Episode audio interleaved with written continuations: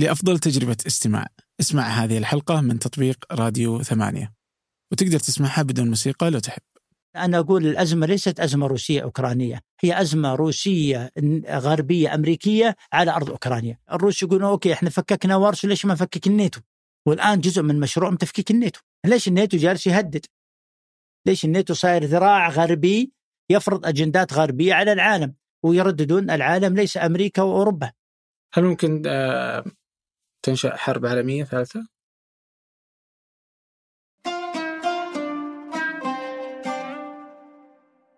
أهلا. هذا فنجان من إذاعة ثمانية وأنا عبد الرحمن أبو مالح. آه، من بدأت الحرب الروسية الأوكرانية وأنا ودي نتكلم عنها لكن ما كنت أبغى الحديث يكون عن الأحداث الآنية والتغطية للي يحصل. ودي أعرف ليش نشأت الحرب أصلا؟ من هم الروس من هم الأوكران. ما التاريخ بين هاتين الدولتين اللي وصلنا إلى هنا؟ وعربيا يندر أنك تلقى أحد مهتم بالشأن الروسي. ضيفي في هذه الحلقة الدكتور ماجد التركي. بدأت علاقته بروسيا من عام 1992 حصل على دكتوراه الدولة في العلوم السياسية من جامعة موسكو. ووسام روسيا الاتحادية بقرار من بوتين عام 2016 قبل أن نبدأ هذه الحلقة آه، مشاركة الحلقة مع الأصدقاء والمهتمين بهذا الشأن هي أفضل طريقة لمساعدتنا في ثمانية. وكذلك لو آه، كان هناك زوايا مهمة لهذه الأزمة أو فكرة لأي حلقة في فنجان شاركوني على بريد البرنامج فنجان at ثمانية dot com.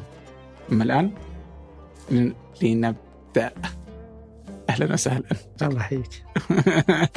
يلا حي أبو عبد الرحمن. الله يحييك.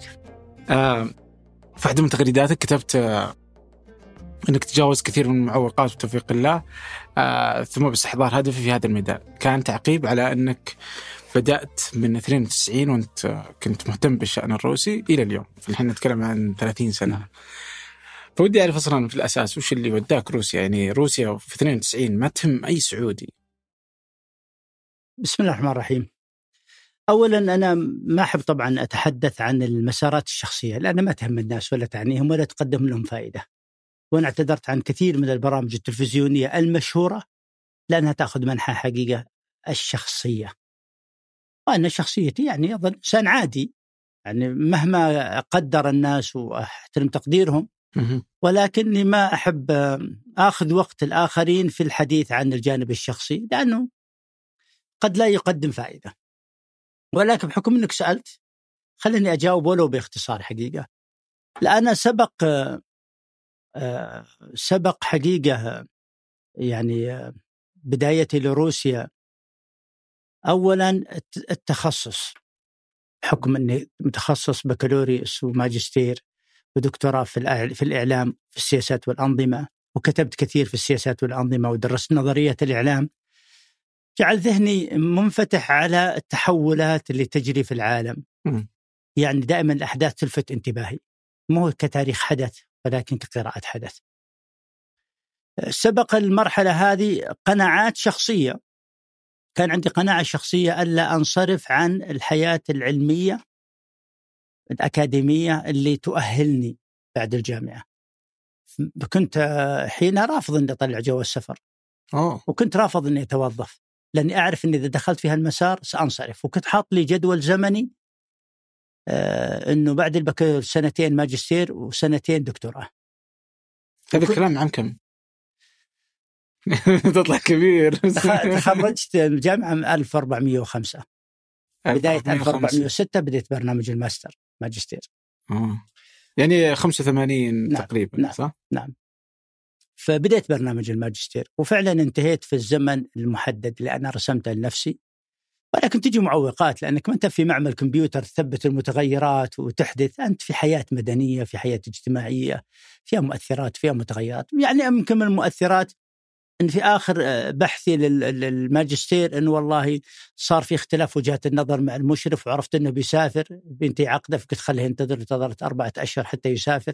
تعطل في الفترة جاء المشرف الجديد رحمة الله عليه الدكتور عبد القادر طاش وعلى ما دخل معك وكملت معه.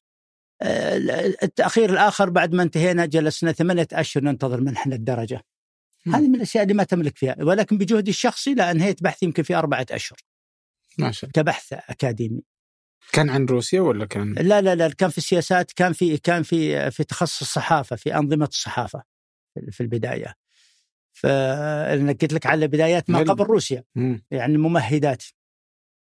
في الفترة نفسها كنت كنت أشتغل على موضوع الدكتوراه.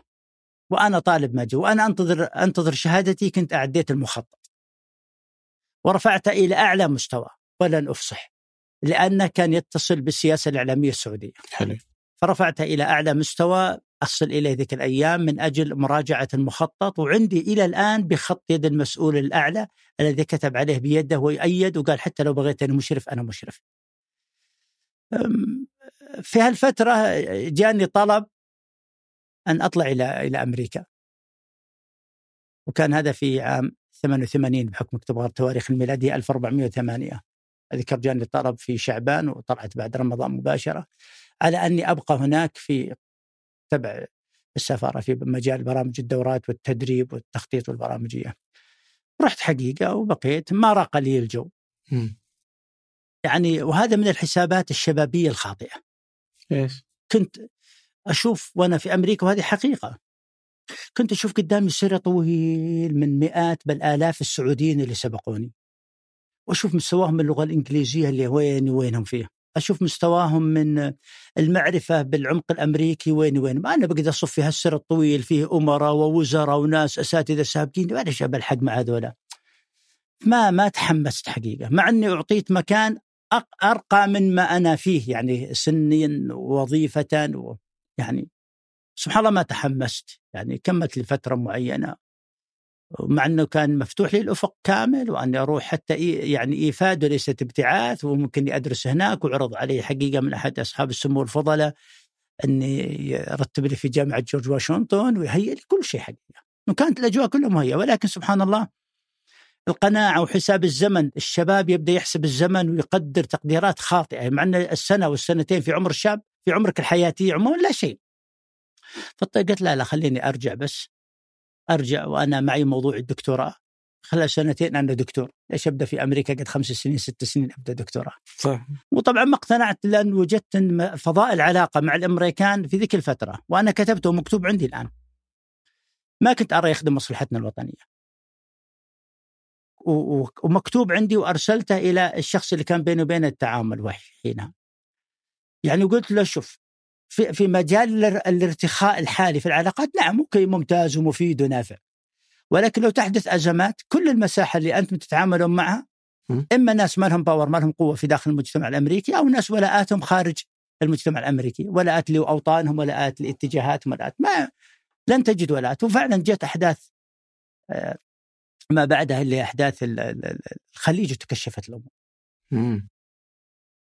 أزمة الخليج؟ نعم لذلك لما أقول لك وش اللي تكشف؟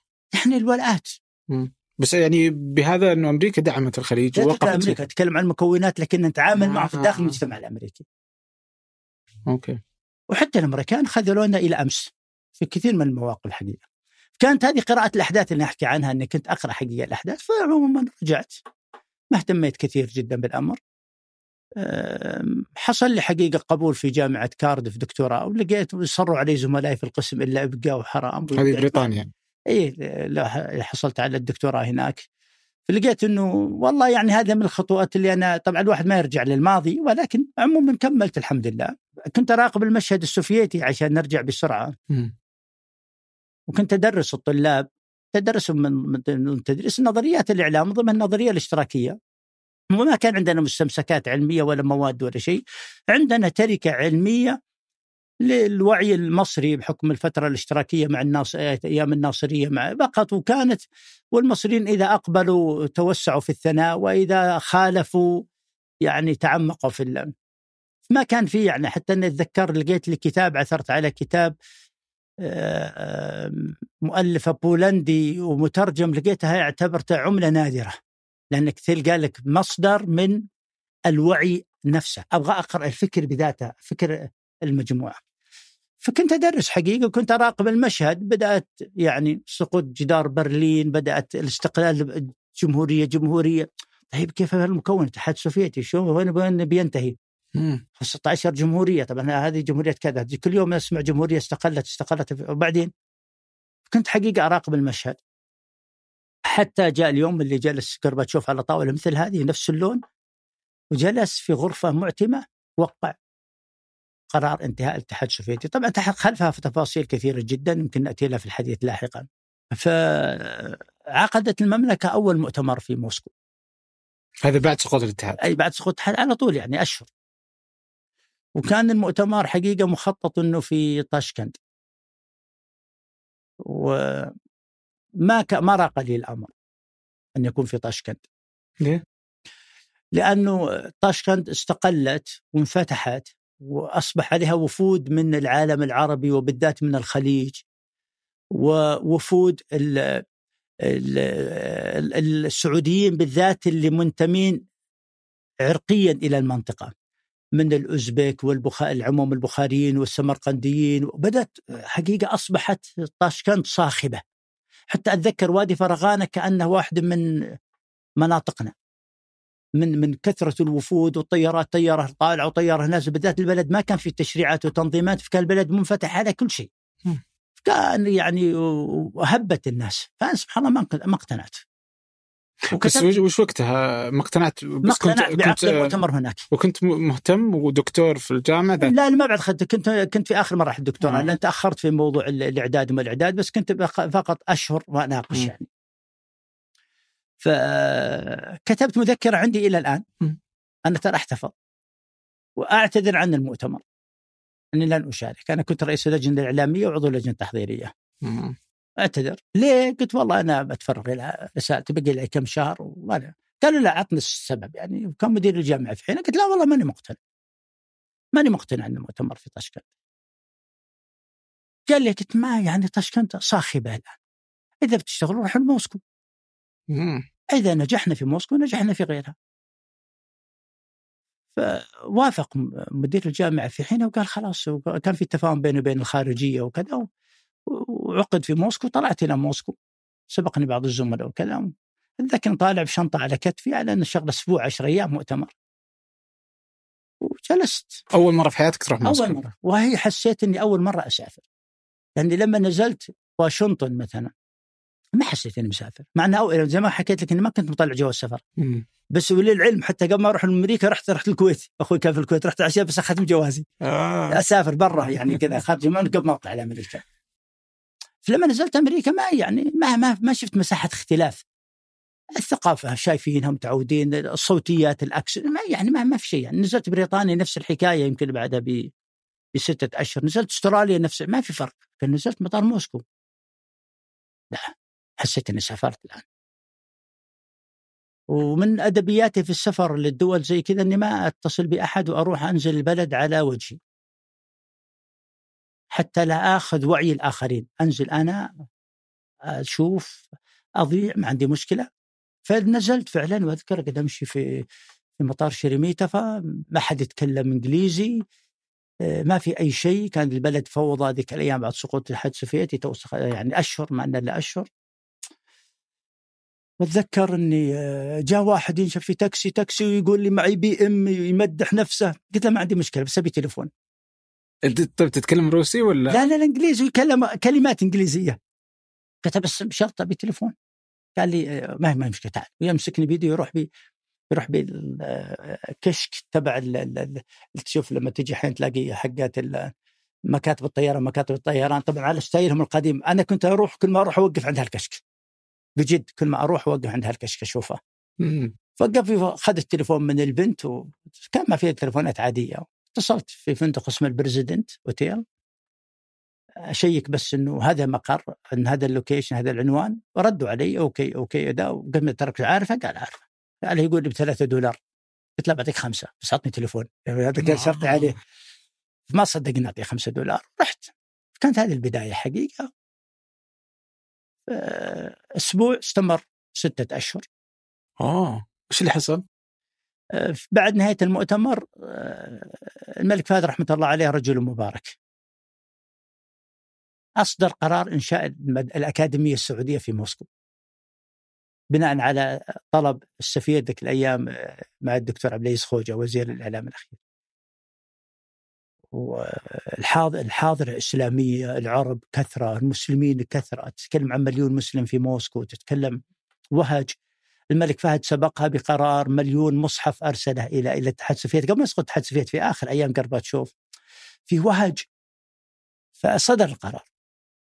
من لدينا السفير قال إحنا صدر القرار. آه، إحنا تورطنا.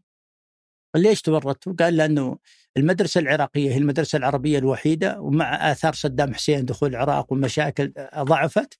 الطلاب لما سمعوا إن إعلان الأكاديمية السعودية جو وكانوا مستأجرين سفارة مبنى. ملفاتهم عندنا على الطاولات هناك. الدراسة بتبدأ في سبتمبر إحنا ما في أحد. أساتذة كان ذيك وزارة المعارف قبل وزارة التعليم. ما بعد أرسلت أساتذة. وما تروح. بالذات إني كنت في الجامعة يعني مدير شؤون طلاب وامتحانات وعارف التشريعات والتنظيمات. قال لي ما تروح. لازم. هذه. يعني آه، مسؤولية وطنية وما وطنية. تعرف هذا الكلام عام 92 92 August 92 مم. آخر August 92 ما شاء الله. وقلت ما عندي مشكلة okay ما كنا على مكتب زي كذا وقلت له ما عندي مشكلة اتصل بمدير الجامعة. اذا إذا قال okay okay ما عندي مشكلة. فاتصل بمدير الجامعة كلم قال عندك ماجد؟ قال نعم قال اعطني إياه. أنا والله اذكرها بالتفصيل كنت حد جاي من وراه هنا عند التليفون. وكان ما قال لي شوف إذا أنت مرتاح تقعد أنا عارفك رايح مدة أسبوع. فيجلس أنا أرتب الأمر. إذا ما أنت مقتنع ما أنت مرتاح لا إحنا نرتب الأمر من المملكة بعدين مع الوزارة نشوف الموضوع. قلت له أنا ما عندي مشكلة. لأن القضية الأساتذة بيصدر قراره بعد أسبوع أسبوعين ثلاثة وما عندي مشكلة. استمرت ستة أشهر. حتى جاء وفد الوزارة يمكن 13 أستاذ. واستلموا المدارس في حينها والحمد لله إنها من المدارس الشامخة الآن. في المنطقة. يعني هذا كانت حقيقة البداية وتفاصيل كثيرة. ما شاء الله. ومن وقتها بدأ اهتمامك بشأن الروسي بشكل آه يعني تخصص. تخصص. آه في من 92 إلى اليوم. صحيح. ما في كثير مهتمين بالروس. آه لما أصلا تتكلم عن آه الشان آه، الروسي ما حد أصلا يسمع لك يعني ما غير مهم بالنسبة لنا في السعودية. خليني أعطيك خليني أعطيك أحسنت. خليني أعطيك بعض الأمور. أنا زي ما قلت لك لما نزلت حسيت إني أول مرة أسافر. هذا هذا هذا أمر. حسيت إني جيت مجتمع غريب. الشيء الثاني فوضوية البلد في تلك الفترة كانت مناسبة مهمة جدا إنك تحصل على ما تريد من البلد. الشيء الثالث يعني ما قلت لك إني كنت مهتم بالحدث. قرأت ان في شيء اسمه وأنا أكاديمي حطيت لي فرضية سميتها حتمية العلاقات السعودية الروسية. وبنيتها على مؤشرات. لأن أكاديمي إحنا أكاديميين نحط فرضيات ونبني عليها دراساتنا. فحطيت الفرضية هذه حتمية العلاقات السعودية الروسيه وبناء على واحد اثنين ثلاثة. آه، بديت حقيقة أراقب. أولا اهتميت بأن أجمع ما أستطيع من الوثائق والمعلومات. وحصلت على كم مهول عندي أرشيف في البيت. يعني أتجنب أني والله أقول كذا ألف بعيني لا أنزل لأن إذا نزلت قاعد ثلاث أربع ساعات وأشغلني أربعة أشهر. كل ما أنزل وأراجع الملفات اللي فيه أطلع بحاجات تركة تبدأ الواحد تشتغل عليها وتطلع فيها. فلاحظت أنه لا فيه في أفق في أفق حقيقة كبير. بعد ما رجعت من من المد... تأسيس الأكاديمية السعودية كنت وقتها يعني حتى رحت المحل المتجر الروسي شريت الك... الحافظات الكروت ما في إلا حاجة الكروت. اشتريت لي يمكن حوالي ستة. لا زال عندي يمكن في حوالي 1200 كرت. من كل شرائح المجتمع واهتميت حقيقة بالتواصل مع الباحثين وأساتذة الجامعات. طبعا زملائي اللي تعرفت عليهم ذيك الأيام الآن أعمارهم في التسعين. الشاهد أنه حتميه العلاقات السعودية السعودية الروسية خلتني فعلا أشتغل بتوازن وبهدوء. بس وش اللي شفته؟ ما شافه غيرك. يعني بالنسبة للناس العلاقات السعودية الأمريكية العلاقات السعودية الغربية آه، أكثر وضوحا و آه، وتجذرا منها من أي علاقات مع أنا شفت سفينة التايتانيك أه. مالت وكل راح كل راح الغرب. أنا بقيت متعلق. اي أنا بقيت متعلق. متعلق؟ لا شفت شفت فيها شيء آه ما شافه غيري وأنا أعشق التحدي. وبديت أنجح. بديت أنجح. النجاح يساعد. يعني أنت لو لو إنك حاط في ذهنك الرؤية إنك 30 سنة أو 25 سنة يمكن تعيد حساباتك يعني. لا بس إنك يوم بيوم وخطوة بخطوة. ثم تتوالى الأحداث. يعني زي ما حكيت لك أنا رايح مؤتمر. جاء قرار المدرسة السعودية. انتهي من المدرسة السعودية على بداية على يمكن شهر فبراير 93 تقريبا. رجعت كملت الدكتوراه بدأت أزمة الشيشان. صدر قرار الملك فهد الله يرحمه وكلفت ببرنامج الشيشان.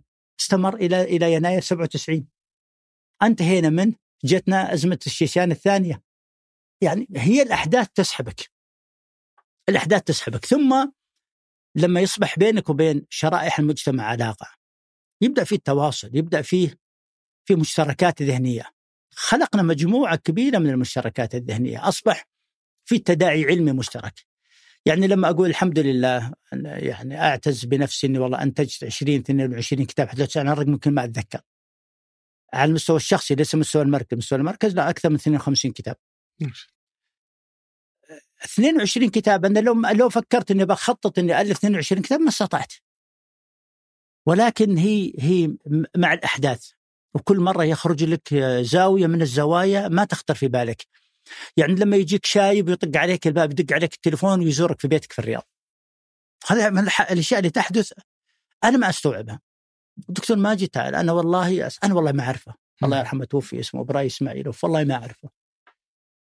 جاي مع الشاب وطق علي حتى الشاب ما أعرف طق علي الباب واتصل علي وزارني في البيت سم قال والله أنا أعرفك وأسمع فيك وكذا وكذا وكذا وتفضل.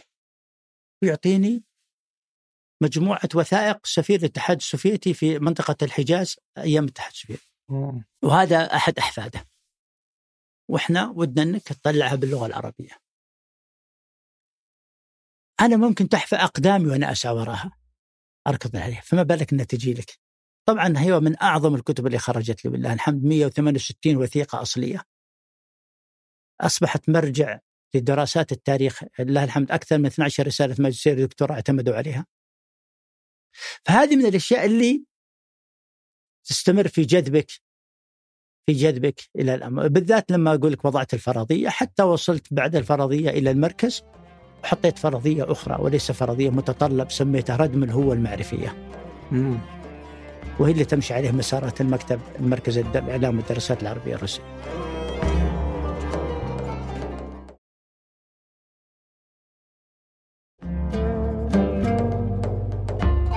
بس آه، يعني أتخيل الحين أنا ما لي علاقة بالموضوع بس آه، أحس إن الواحد آه، لما يدخل في مجالات زي كذا وده أحد يرد الصوت. فلما تتكلم انت عن الشأن الأمريكي يعني آراء كثيرة ولما تحط رأيك يجيك آراء مضادة ومن ثم أنت يعني كذا تعيش هذا الجو الأكاديمي المعرفي ما بين الرأي والرأي الآخر وما بين إنك جالس تتكلم في مكان ساخن والناس ومتغيراته كثيرة جدا. فيخليك تكمل هذه المسيرة. أحس في الجانب الآخر هو كروسيا باردة. ما في ذا الشيء. فهل جت فترة انك فكرت تبطل؟ تقول خلاص يعني هذا المكان مو بمكاني. لا اطلاقا. ابدا؟ اطلاقا. بل متندم على كثير من الأمور ما تمكنت أعملها. أوه. نعم. شوف الآن مع مساحة علاقاتي كل ما أزور موسكو أتعرف على مؤسسات وشخصيات جديدة. في فضاء تخصصي يعني ما أتكلم عن عام. بلد غني بلد غني بمعنى الكلمة. لذلك لما سقط الاتحاد السوفيتي وانهارت موسكو يمكن يصير لها زاوية حديث عام 95 سألوا تاتشر عن روسيا من هو تاتشر ها؟ من هو تاتشر؟ تاتشر تاتشر رئيسة وزراء بريطانيا آه. المرأة الحديدية آه هل okay سألوها هل ستعود روسيا؟ قالت اللي يعرف التاريخ الروسي والعمق الحضاري الروسي يعرف أنها بترجع ولكن ستحتاج في حدود 15 سنة. فعلا عام 2000 عادت عادت روسيا. لذلك أقول لك الفضاء الروسي تحفى أقدامك وأنت في زاوية معينة. صحيح أنا حسيت بغربة. حسيت بمعاناة هذا ما في كلام. حسيت بأن ما, ما في حد ما في حد معك. هنا ما في حد معك اطلاقا ولذلك يمكن لو لو تصفحت كتابي زاوية الروسية أنا قلتها قلتها بكل بكل حدة لأني أتألم في هذه المسألة. بجد يعني. ولكني مؤمن بأنه لا هذا هو المستقبل. ما أقول هذا هو المستقبل حصريا ولكن هذا أحد مسارات المستقبل الاستراتيجيه للمملكة أنا أتكلم. ما أتكلم عن ماجد. ماجد أنا أقدر أحقق لو على المستوى الشخصي لا لا أقدر أحقق طموحاتي خلال سنة سنتين ثلاثة. سنتكلم عن استراتيجية المملكة. لذلك أتذكر لما رجعت في في فبراير 93 قابلت أحد الوزراء. الله يذكره بالخير. وكان عنده وزير إحدى الدول الافريقيه اتصل بي السكرتيره وقال ودنا إنك تصلي معي العصر، صليت معي العصر ولا بيركب سيارته بيروح قال اركب اركب معي. كان يستقبل وزير من دول أفريقيا والله نسيت منه. وزير داخلية أفريقية والله نسيت شو الدولة. بس إنه وزير داخلية. حدثني قال لي شوف يعني أنت في هالفترة حققت نجاح مميز في روسيا. لا تنشغل بغيرها. اهتم بكل المسارات. أنا والله ما أنسى كلمته وأدين له بالفضل في هذه. يوم من الأيام سينفتح هذا المسار وسيجدون رصيد معرفي عند ماجد التركي. ف... وقال لي حتى أعطاني نصيحة ثانية. وهذه من الأشياء اللي فعلا استفدت منها. دائما الخبرة التراكمية عند الآخرين لا تستهتر فيها. خذها بجدية. قال لي لا يرتبط اسمك بأي شيء غيرك. نقصت مؤسسات ولا تجمعات ولا احزاب ولا جماعات. لا لا لا. أنت عندك قدراتك اشتغل لوحدك. فعلا. جميع المؤسسات الثقافية والخيرية والعلمية اللي دخلت خارجية دخلت روسيا كلها طلعت ومعظمها بلاك ليست. لو اسمك متعلق معهم بالذات كان في فترة توترات أيام حرب الشيشان الأولى حرب الشيشان الثانية آه، في توترات في العلاقات السعودية الروسية تصل إلى مراحل يعني حقيقة شديدة جدا ومع مساحات من التوافقات. فالحمد لله يعني إني كنت خارج كل هال يمكن إني أصبحت يمكن يمكن إني أصبحت عنصر التوازن بجد يعني.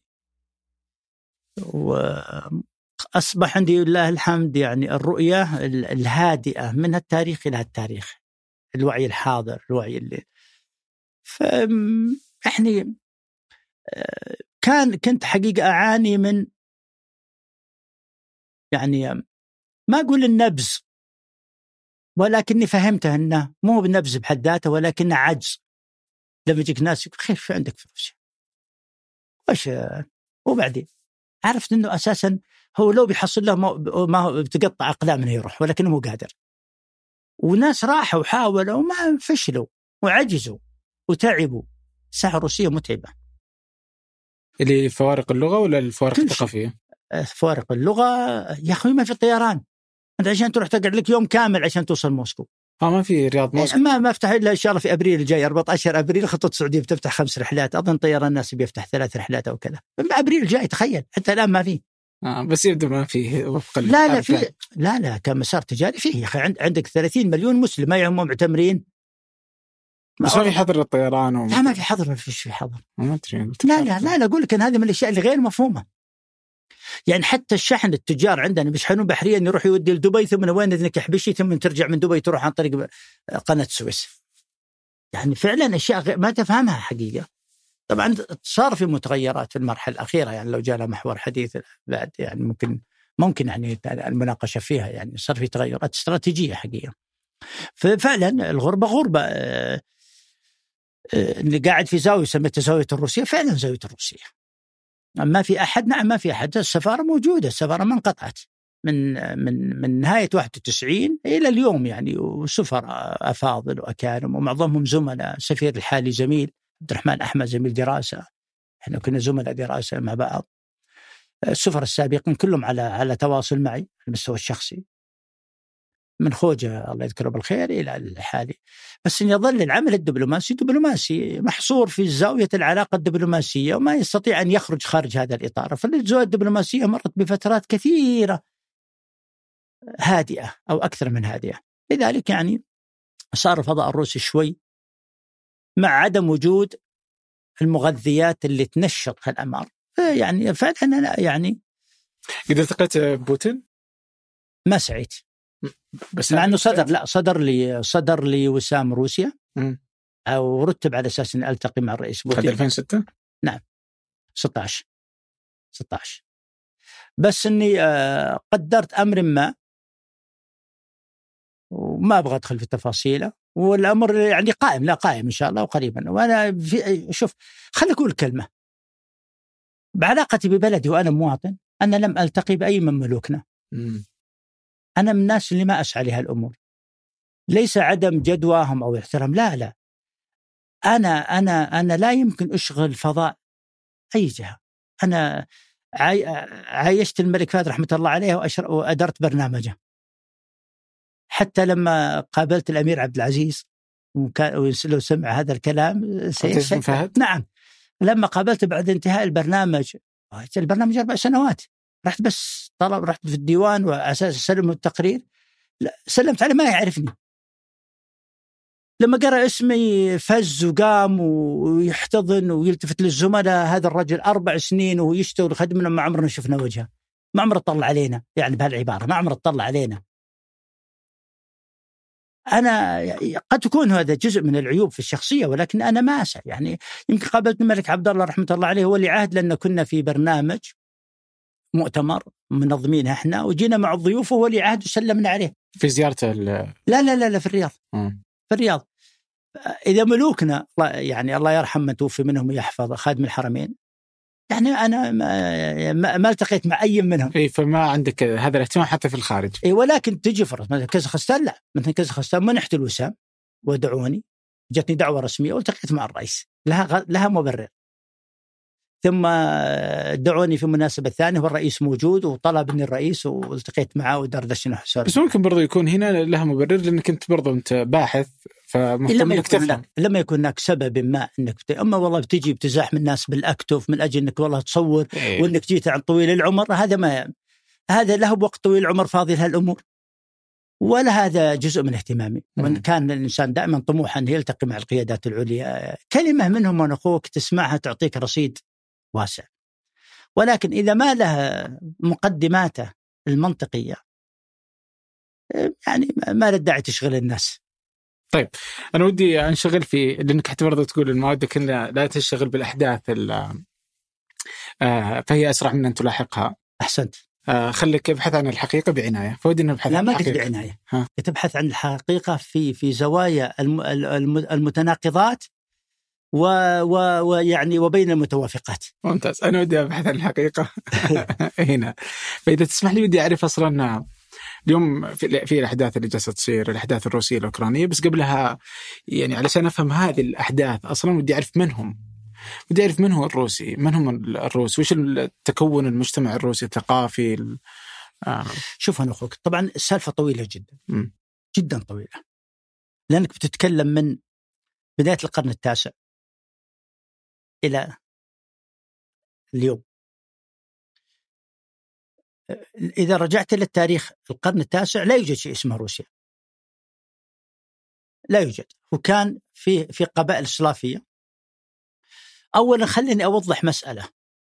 أن قبل الحربين العالميتين كان الفضاء الدولي مفتوح. الجغرافيا السياسية ترى مفتوحة. الجزيرة العربية مفتوحة على الشمال ومفتوحه على الجنوب مفتوحة على الشرق بس يحدك بحر أحيانا. في الفضاءات كانت مفتوحة. ما كانت فيه الحدود السياسية اللي انت تشوفها؟ اليوم. المقننة والموثقه في الأمم المتحدة. هذه هذه قاعدة يجب الناس يستحضرونها. الناس عارفينها بس الاستحضار من أجل فهم الأحداث. هذا واحد. لما تيجي روسيا الفضاء الروسي المساحة الروسية الحالية هذه كانت فضاء سلافي قبائل في قبيله قبيلتين والله نسيت أسماء وكان في صراعات على النفوذ وعلى المصالح وعلى المراعي وعلى لهم أساس أهل مراعيهم. نفس ما كان يحدث عندنا في فضاءاتنا في الجزيرة العربية أو حتى في أفريقيا؟ فلما اشتدت الصراعات بينهم تداعوا أن أن يؤمرون عليهم شخص من خارجهم. لأن ما نبي راضي إنك تصير أمير علي ولا انت براضي إني أصير أمير عليك. خلاص نجيب لنا واحد من برا. فجابوا واحد اسمه روريك. وهو مع أخوه والله نسيت أخوه طلبوا منهم أن يكون هو الأمير عليهم. وحطوا ميثاق أو أن يحكم بينهم بالعدل ثم أن أن يحكم بينهم بالأعراف الاجتماعية الموجودة عندهم. وفعلا وهذا ليس منقصة في العرف السابق، لا هو توافقية. لن بقابل أصير أمير عليك ولا تبقابل تصير أمير عليك. حتى في التاريخ الإسلامي حتى لما تشوف شوف آه، عهد النبوة لماذا ناكفوا آه، محمد صلى الله عليه وسلم؟ لأن أفخذ قريش الأخرى يعني يقولون كيف إن بني هاشم يصير عندهم نبي وإحنا ما عندنا نبي؟ ولا ما عندهم شيء آخر غيره. فلو إنه جاي من خارجهم يمكن والله يلينون في الأمر. الشاهد آه، تكون هذا الأمر في عام 826 استمرت. وهدأت الأمور. في عام 945 أول مرة تطلق عليها اسم الأراضي الروسية. عام 945 أظن. وبدأت المكون. وش كانت وقتها الأراضي الروسية؟ ابدا منطقة سلافية، منطقة سلافية للعرق السلافي اللي يمتد من جهة أوكرانيا إلى العمق الروسي هذا. يعني كانت قبائل سلافيه وبالذات القبائل السلافية الشرقية. أنا ما أغرق في التاريخ لأني لست أستاذ تاريخ ولكني زي ما قلت لك أستدعي الأحداث لأقرأها. ولكن كرقميا لا في أساتذة أفضل مني وأعمق مني. عموما حتى أغطي هذا الجانب ترجمنا كتاب اسمه تاريخ روسيا من رورك إلى بوتين. ألف صفحة. من أجمل الكتب اللي أنتجناها.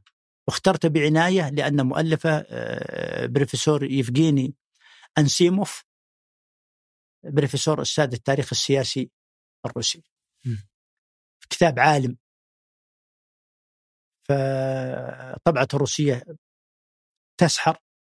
طبعا العربية طبعا أقل. ما دخلنا حقيقة المصورات العظيمة اللي في الكتاب لأن بيصبح الكتاب ضخم جدا وبيكلفنا واجد وإحنا على باب الله. ولكن هذا الكتاب نحن نفخر فيه في المركز لأنه جمع لنا التاريخ الروسي من ألف إلى ياء كملت عليه حقيقة بكتاب طلعته سميته القيادة السياسية آه، الروسية طبعا السوفيتية من من لينين إلى غرباتشوف. كتاب صغير من حوالي 80 صفحة اختصرت فيه المشهد في السوفيتي كامل تقريبا الذهن الشاهد انه انه إنه تنامت المرحلة. استمرت حقيقة المكونات. الروس السلاف كانوا وثنيين. كان السلاف عرق؟ نعم عرق سلافي. زي ما عندنا العرق العربي عندنا العرق الإيغوري عندنا هم السلاف عرق. يجمعهم يجتمع فيها البيلاروس والأوكران والروس. ولغتهم السلافية هي المظلة الرئيسية بينهم تباينات تصل إلى 30% تزيد تنقص في, في, في اللغة. آه، لذلك إذا تكلم الأوكراني تعرفه من من بعض الأحرف مثلا هذا يقول я говорю هذا يقول я говорю. آه، في بعض الكلمات مختلفات إلى آخره ولكن يبدو قواعديا متماثلة. آه، الشاهد أنه أنه, أنه هذا الفضاء بدأ يتنامى. اتجاه الوثني لم ينسجم مع العمق. العمق الحضاري إسلامي. الاسلام هناك أصل وليس ناشئ. من أيام آه، الخلافة الإسلامية عثمان بن عفان رضي الله عنه؟ الاسلام على أطراف أذربيجان وعلى حدود روسيا. والحاضرة الإسلامية موجودة. حاضرة التتر وما بعدها موجوده وبقوه سواء تتر المغول. فالكنيسه الشرقية نزحت إلى روسيا. وهم أرثوذكس. صار في تنافسية. العمق التاريخي للمسلمين. فكان في تداول للقيصر الروسي. ف يعني كان يختار بين الأمرين. طبعا هي روايات شفهية يعني إيش مصداقيته وجديته وكان نوعا ما يميل للإسلام. حكم واقعيته وكذا ولكن أقنعوه أهل الكنيسة بأنك يعني الروس كانوا معروفين بالشراب حتى عندهم إشارة كذا في لما يكون فلان يقول كذا يعني آه، سكران انتهى. طيب وأنكم يعني أو أن يعني الإسلام يحرم هذا الأمر وفي عقوبات وكذا وكذا وأخذ المنحى الأرثوذكسي المسيحي فتنامت المسيحية أصبحت هي المشهد السياسي الديني. وانعكست على الحالة اللي إحنا نشوفها الآن في موضوع أوكرانيا وموضوع أوروبا أنها أنا في رأيي أنها حرب دينية وليست حرب مجرد حرب سياسية. أحد أوجهه يمكن نتحدث عنها لاحقا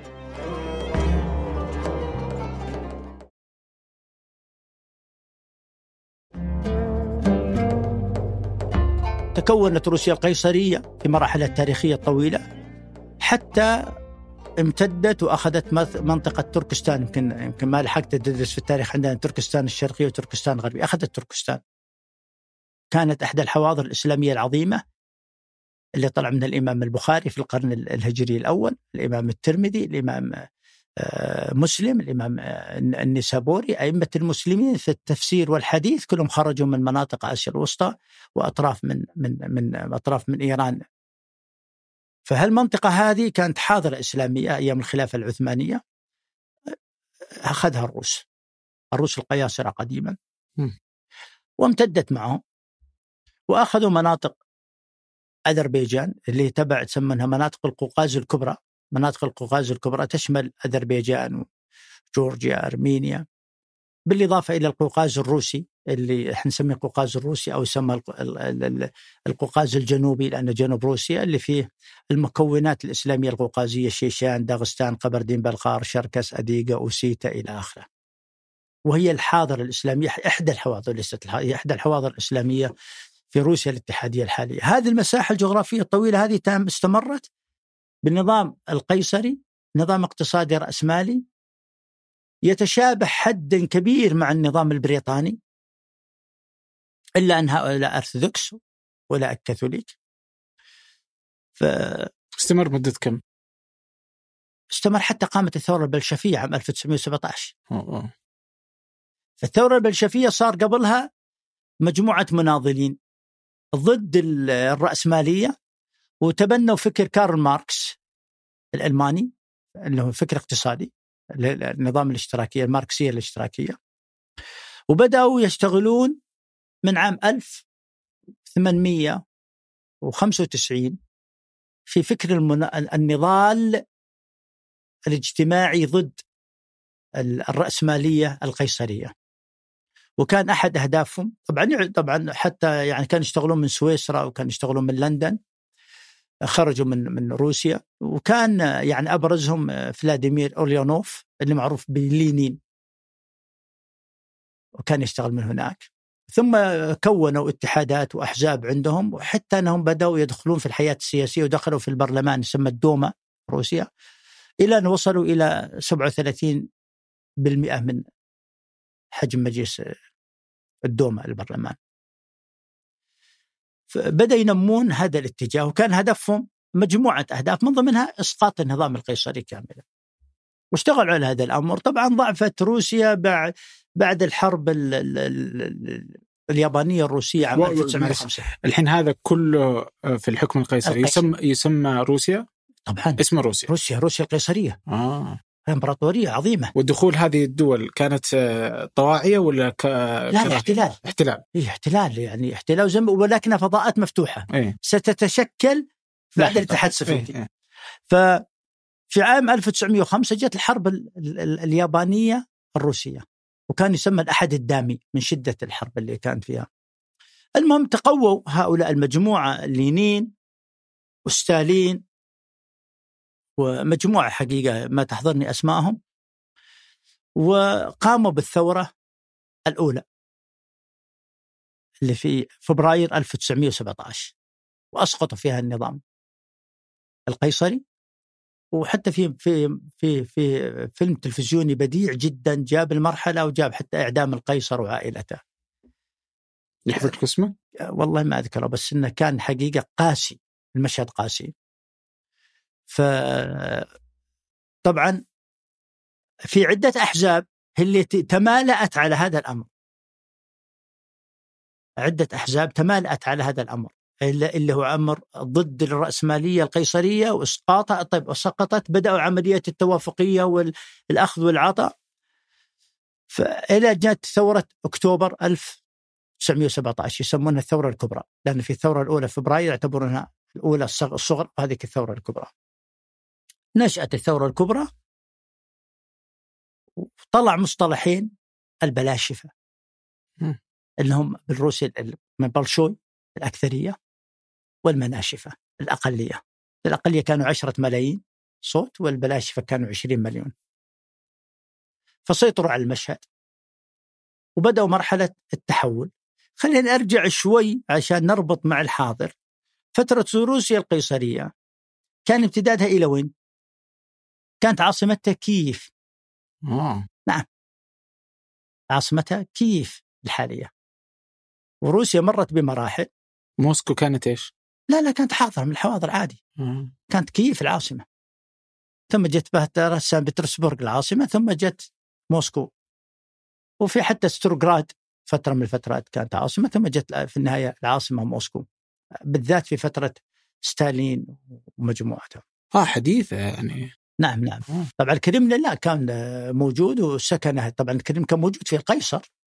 بس إنه يعني التجذر التمدد السياسي الجغرافي هذا يعطيك دائما أنا أقول استحضار التاريخ ومطالعة الجغرافيا تعينك على فهم الوقائع. لا يمكن تفهم الوقائع مجتزأة. تسمي هذه مقدمات سمها مقدمات، تسميها تاريخ وجغرافيا سياسية لا لك حتى تفهم الوقائع.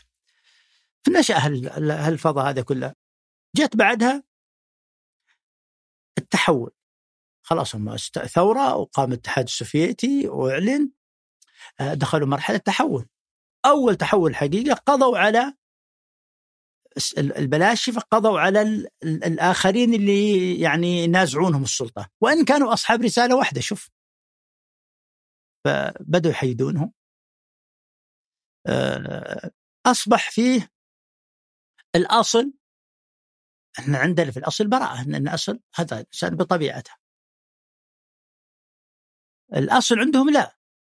يعني يعني آه، تثبت آه، ولاءاتك على أساس إنك تأخذ ال- ال- البطاقة أو الجواز أو إلى آخره. لذلك نشأت ترى عندنا ممكن تتذكر شيء اسمه آه، شهادة حسن سير وسلوك. ما تتذكر؟ الا اتذكره الآن أنا كنت أنا كنت مستغرب منها وكتبت عنها مقالة وأنا في رابع كلية.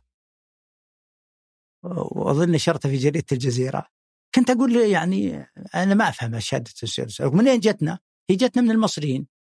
المصريين لما كانت علاقة الناصريين مع مع الاتحاد السوفيتي طلعت من عندهم هذه لأنه الأصل في الروس إنه يعطيك شهادة حسن سير وسلوك على أساس تعطى ش... تعطى جواز سفر للسفر أو للكم أو للعمل. لأن الأصل الأصل البلاشفه زي ما قلت لك مجموعة بدأوا يكونون بعض. ما يدخل فيهم أحد حتى يثبت ولاءه آه. فكانت الشهاده كانت الشهاده إثبات. آه. فإحنا والاسف تعرف إن إن إن إن, إن, إن وعينا الإداري والتعليمي كان حقيقة مصري بالدرجة الأساسية ونقلوا هذه لنا ألين قبل فترة الحمد لله اعفينا من هالشهادة كان ما تطلع من سادس ابتدائي طفل معك شهادة. وأنت تتوظف إلا معك شهادة فهذا من الوعي أحيانا التلقي بلا وعي التلقي حقيقة بلا وعي فالفتره التحول هذه بدأ لينين وستالين تصفية الأجواء اللي حولهم حتى يستقر لهم المنهج هم أصحاب منهج. و... و- وبدأ بالتوازي معها. طبعا أعدموا كثير وأبعدوا كثير حتى الناس اللي بينهم وبينهم ود يقول يا اطلع بس رح رح أبعد رح المنطقة الفلانيه عشان ما ما أبي أعدمك. تهجير. حتى استوى الأمر لهم. أصبحت المجموعة اللي يقودها لينين حتى وفاته في يناير 24 وتسلم ستالين المشهد. في الفترة هذه حقيقة من 17 إلى 21 كانت فترة صراعات سياسية في أوكرانيا مع بولندا في كان صراعات حقيقة. حتى استقر الوضع وتم تشكيله طبعا الاتحاد السوفيتي إذا هو اتحاد نظام فدرالي معناته تحت مكونات. المكونات لازم توصف. فجاء شكلت جمهورية أوكرانيا. هي لم تكن موجودة. فشكلت جمهوريه أوكرانيا. هذه المرحلة الأولى. ليش شكلت؟ كونوها كمكون سياسي لها حدود سياسية. مم. شكلت المكونات الأخرى. وآسيا الوسطى كانت اسمها تركستان. مم. تركستان الشرقية والغربية، الشرقية خاضعه للصين من عام 1945 كاملة. الغربية مساحة مفتوحة. فيها أعراق. فيها الأوزبك، فيها القرقيز، فيها التركمان، فيها الطاجيك، فيها الكازاخ. متخالطين قبائل. وكل لهم مساحاته جغرافيته ولا كذا وله إماراته إمارة بخارى إمارة سمرقند إمارة إمارات متوسطه فجاء ستالين وكون منها جمهوريات. اللي انت تشوفها الآن جمهورية أوزبكستان جمهورية كازاخستان جمهورية قرغيزيا ولا في الأصل هم واحد. تركستان. حاكمهم واحد. حاكمهم في عام 1917 إلى عام 1921 أو 20 نظير ترياكولوف كان حاكم منطقة تركستان كلها. وش كان دافع ستالين فيه؟ حتى يدير البلد. مشهد جغرافي مساحته ضخمة جدا وأعراق فقسم إلى دول مكونات سياسية. وحط على كل جمهورية سكرتير حزب يرتبط بالحزب المركزي في موسكو. نفس الحكاية في أوكرانيا. أوكرانيا عموما الكلمة الكلمة الروسية القديمة تعني زي ما تقول الحد الأقصى من مزرعتي أو بيتي أو مم.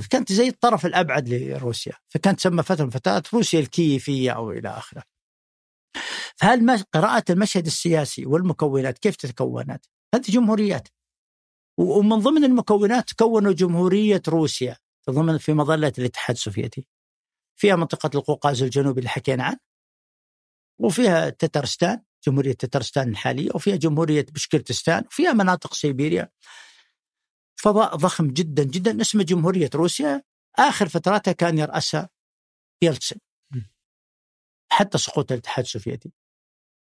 سقط الاتحاد السوفيتي. سميت روسيا الاتحادية بالنظام جمهوري ولكنها state federation روسيا الاتحادية. استقلت الدول وورثت بالتفاهمات أيام آه، دونالد ريغن مع مع قربتشوف والتفاهمات كانت الدول تستقل. وكان في مفاهمات إلى آخره من أجل أن روسيا هي سترث الاتحاد السوفيتي الطاقة النووية مجلس الأمن النقض الفيتو إلى آخره. وكانت هذه من الإغراءات الأمريكية من أجل واللي أخذها يلتسن وهو الذي يعني أحد المتآمرين على التعجيل بإسقاط الاتحاد السوفيتي وإنهائه. لذلك اجتمع مع رئيس أوكرانيا في الفترة هذيك ورئيس بيلاروسيا وأنا غرت عنها والله نسيت اسم الحديقة اللي اجتمعوا فيها.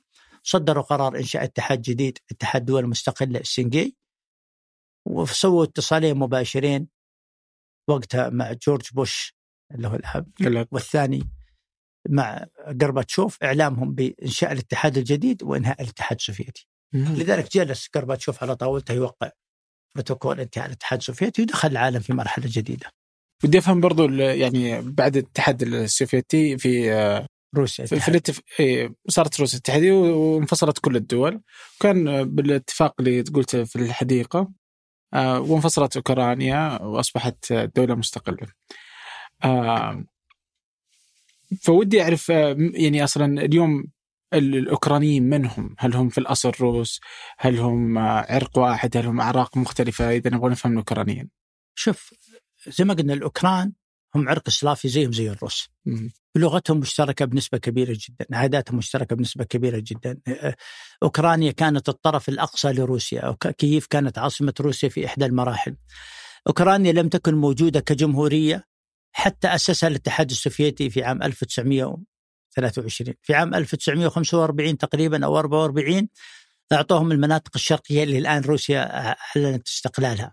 مم. في عام 1954 نيكيتا خروتشوف أعطاهم القرم. هو لماذا أعطاهم هذا الأمر؟ لأنهم مكون واحد اتحاد سوفيتي هو توزيع قوى توزيع قوى وترتيب وكانت حقيقة آه، أوكرانيا أحد الحاضنات الضخمة للطاقة النووية والتقنيات النووية الضخمة فيها تشيرنوبل وفيها يعني استعادوا منهم بعد الاستقلال 2000 عام ال 94 2000 و 2500 رأس نووي كانت في اوكرانيا واخذتها نعم. روسيا؟ نعم في كازاخستان نفس الحكاية وبالمناسبة يعني آه البارح كان في ضيافتي آه حفيد الخبير الكازاخي اللي هو فكك المنظومة النووية الكازاخيه وسلمها إلى إلى إلى الروس. آه. البارح كان في ضيافتي حقيقة اسمه تيمور. فهل وعي بهالأمور تعرف إنه أساسا انه كان بيت واحد.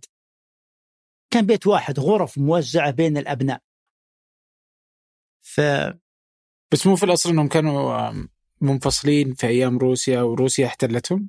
روسيا القيصرية؟ لا لا لا لا, لا هي فضاءات زي ما تكلمنا فضاءات مفتوحة ما كان فيها مكونات سياسية جغرافية. طبعا فتره الاتحاد السوفيتي كان في صراع أوكراني مع بولندا حرب شرسة جدا حتى استقر الأمر على الحدود السياسية اللي بعدها نظم الاتحاد السوفيتي هذا الأمر.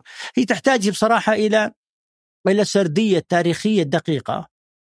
يعني مع أني أنا ما أرى لها أهمية الآن لأن الآن تشابكت الأمور، الآن القضية ليس ليس الوعي التاريخي فقط للعامة ولكن الوعي التاريخي الآن تجاوزت الأحداث الحالية، الأحداث الحالية ما لها علاقة ما لها علاقة بتاريخ أوكرانيا هي علاقتها ب بمسارات دولية بمراحل بمراحل تغير في النظام العالمي لا أكثر ولا أقل، أوكرانيا أنا أنا أنا أقول الأزمة ليست أزمة روسية أوكرانية، هي أزمة روسية غربية أمريكية على أرض أوكرانيا.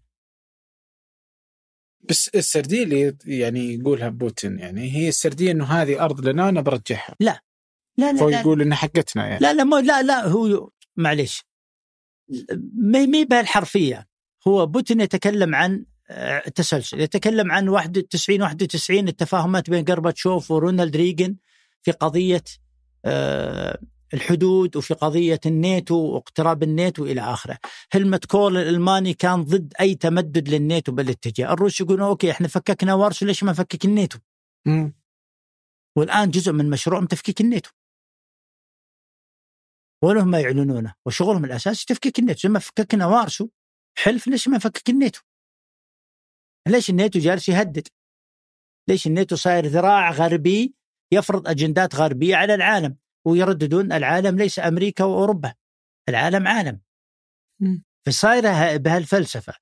فالجانب الثاني في في في اتفاقية مينسك 2014 من ضمنها عدم التمدد عدم إنشاء عدم عدم إنشاء أي منظومات أو تواجد ناتو على مسافة 800 ميل من الحدود الروسية.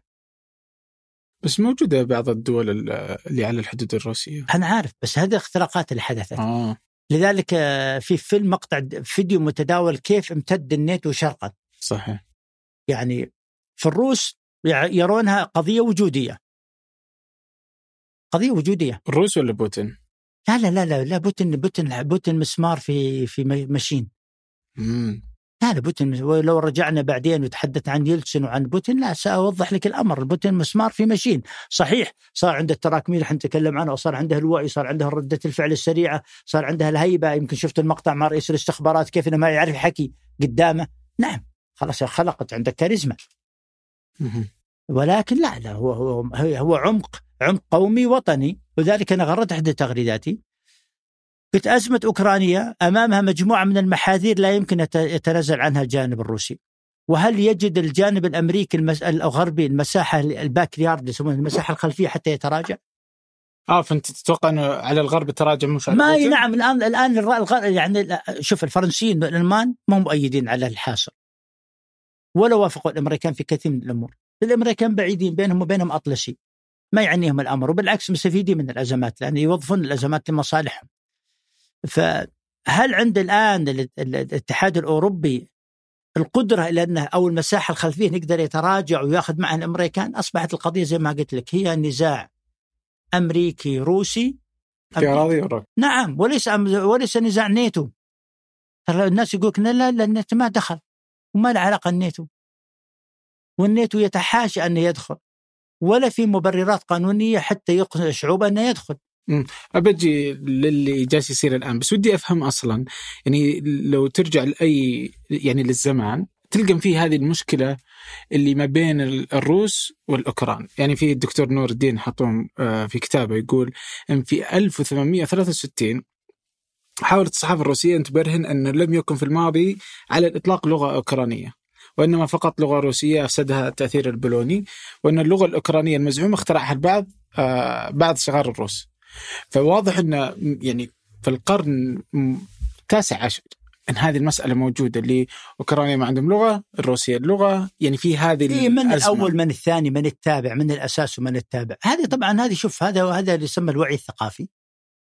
ما تناقش ما تناقش قبل شوي عن القهوة على سبيل المثال آه. وكيف إن إحنا ما استطعنا أن نفكك المشهد لأن شوف أنا أخوك لا يمكن تصل إلى قطعيات في المسائل ما لم يكن عندك مستمسكات يقينية. القضايا اللي ما لها مستمسكات يقينية تبقى في فضاء الرأي والاختلاف. لذلك يعني آه، زي ما قلت لك لما اتكلم عن القضية بس ليش كان عندهم هذه الأزمة في اللغة؟ يعني فهو هي أزمة هوية لا لا ما بين الروس والأوكران لا لحظة اللغة اللغة اللغة السلافية اللغة اللغة السلافية شو لغة أوكرانية حتى في الدستور معليش اللغة الروسية في لغة أوكرانية هي مظلة من؟ اللغة السلافية. سلافي ما في مشكلة. هي الم- هي المظلة. طبعا يعني في العمق اللغوي ما أقدر أشرح لك فيه تفاصيل كثيرة ولكن اللغة ال- ال- ال- العرق السلافي بمكوناته تحت اللغة الروسية وتحت طيب خلينا ناخ- آخذ تحت كلمة اللغة الروسية واللغة الأوكرانية. نعم ولكن زي ما قلت لك هي لغة متماثلة. خلي برجع بك شوي علشان نستوعب دائما الشواهد تعطيك مساحة للفهم. نعم. لما نجي جينا لتركستان تركستان إيش معناته؟ إيش ترجمتها؟ الرجل إمارة الترك. إمارة الترك. إمارة الترك. آه، قرغيزستان إمارة القرغيز. تركستان هذه الحاضرة. هي هي قبائل عندها مكونات اللغوية المختلفة. يجمعها المكون الأتراكي. اللغة الأتراكية. هي المكون. تجي تقول لي اللغة الأوزبكية زي اللغة الكازاخية يقول لك لا في اختلافات. القرغيزية فيها اختلافات ولكن يفهمون بعض. يتعايشون يتعاملون ولكن باختلافات. وامتدت الاختلافات هذه طبعا نشأت منها تركيا. لذلك لما تجي إلى إلى إلى تركستان وتجي إلى أذربيجان وتجي إلى تركيا هذا مشترك لغوي. حتى أن الترك في عام 1990 أنشأوا شيء يسموه مجلس الأتراكي. مجلس الدول الناطقة بالتركية. بعد سقو... بداية سقو... قرب سقوط الاتحاد السوفيتي لما سقط الاتحاد السوفيتي أعلن المجلس. مم. اسمه المجلس الأتراكي. لأنه مجلس الدول الناطقة بالتركية. تقول لغتهم واحدة؟ أقول لك لا. الحرف واحد؟ أقول لك لا. ولكنه. إيه ما إحنا مختلفين بس نفس الفلسفة. بين هذه. بس. اي بس إنه إذا واحد تكلم تقدر تقول إن هذا يتكلم روسي وهذا هذا- يتكلم أوكراني. نعم. صح؟ أنا زملائي الروس والاوكران أحيانا ما أفهمهم. آه.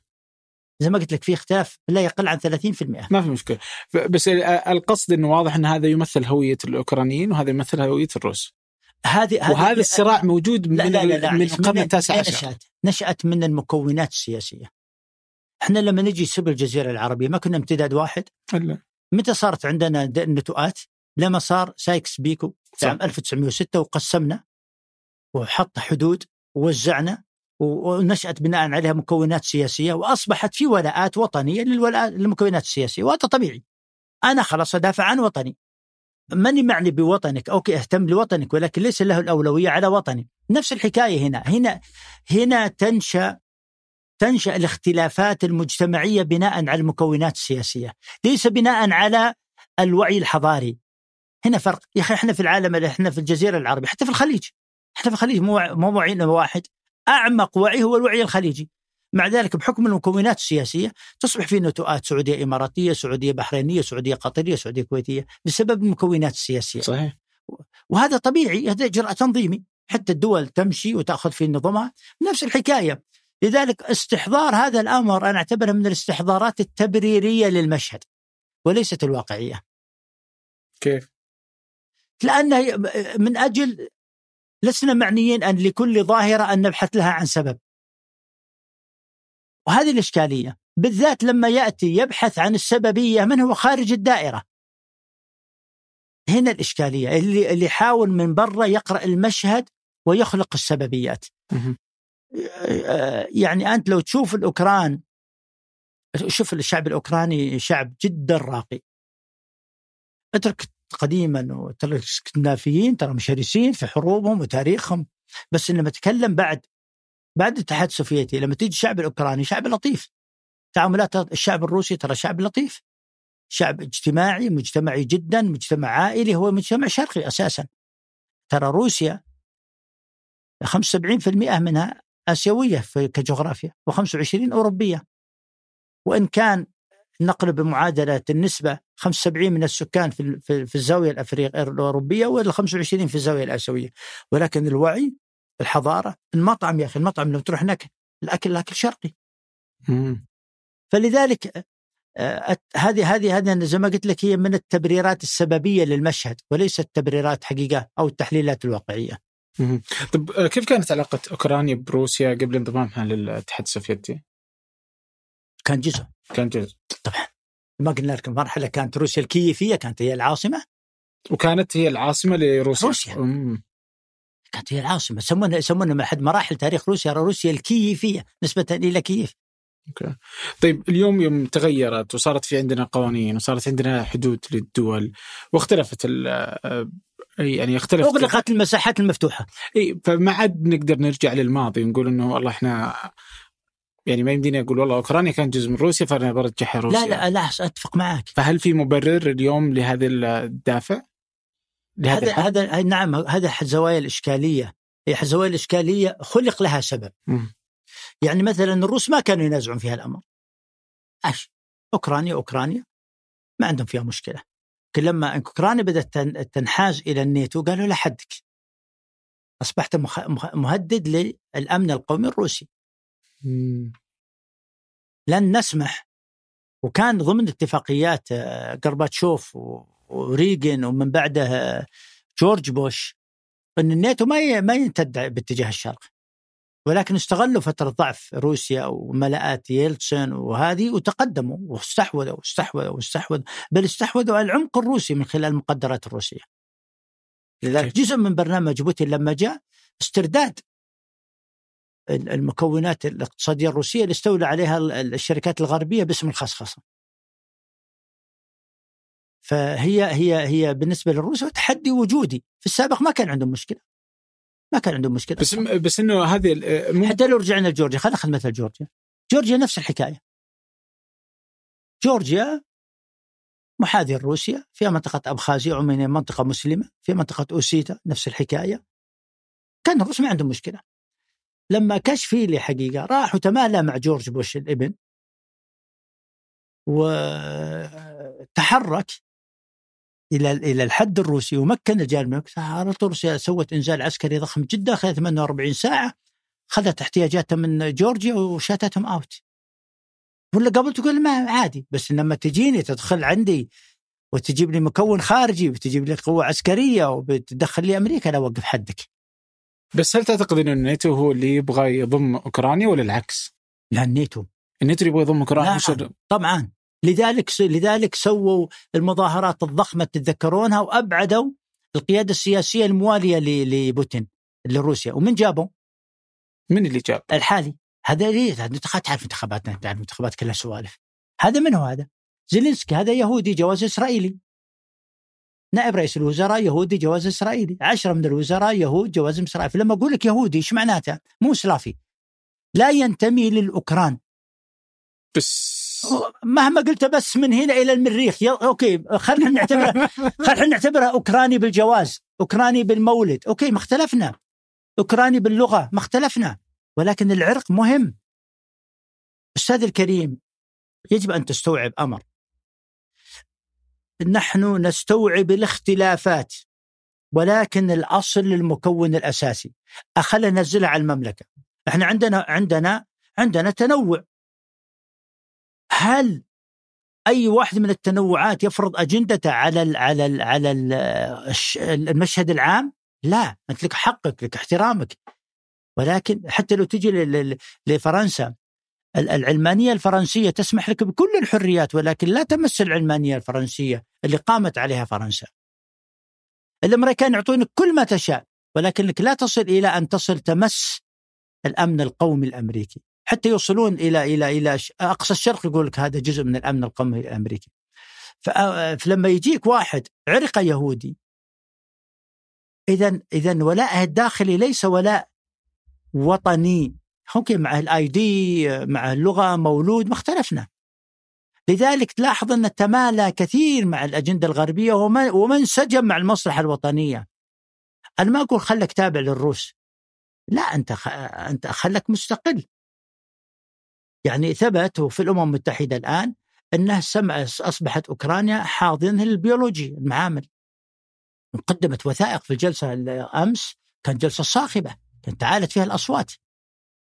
وش وش الفكرة؟ من... قدموا الأمريكان قدموا الروس وثائق ومصورات تثبت المعامل البيولوجية وأسماء الأمريكان أسماء الشركات الأمريكية وجابوا حتى الطيور المستخدمة في الترحيل ونقل البيولوجي والربط الإلكتروني وجابوا وقالت منظمه الصحه العالميه إحنا ما عندنا خبر قالوا لا تكذبون هذه زياراتكم هذه بياناتكم هي مواجهة زي ما قلت لك مواجهة مواجهة عالمية عالمية. وش مشكلة المعامل البيولوجية والحيوية؟ هي الأوبئة اللي أنت تشوفها وليش أمريكا تبغى تحطها كورونا والانفلونزا بس ليش أمريكا تبغى تحطها في أوكرانيا؟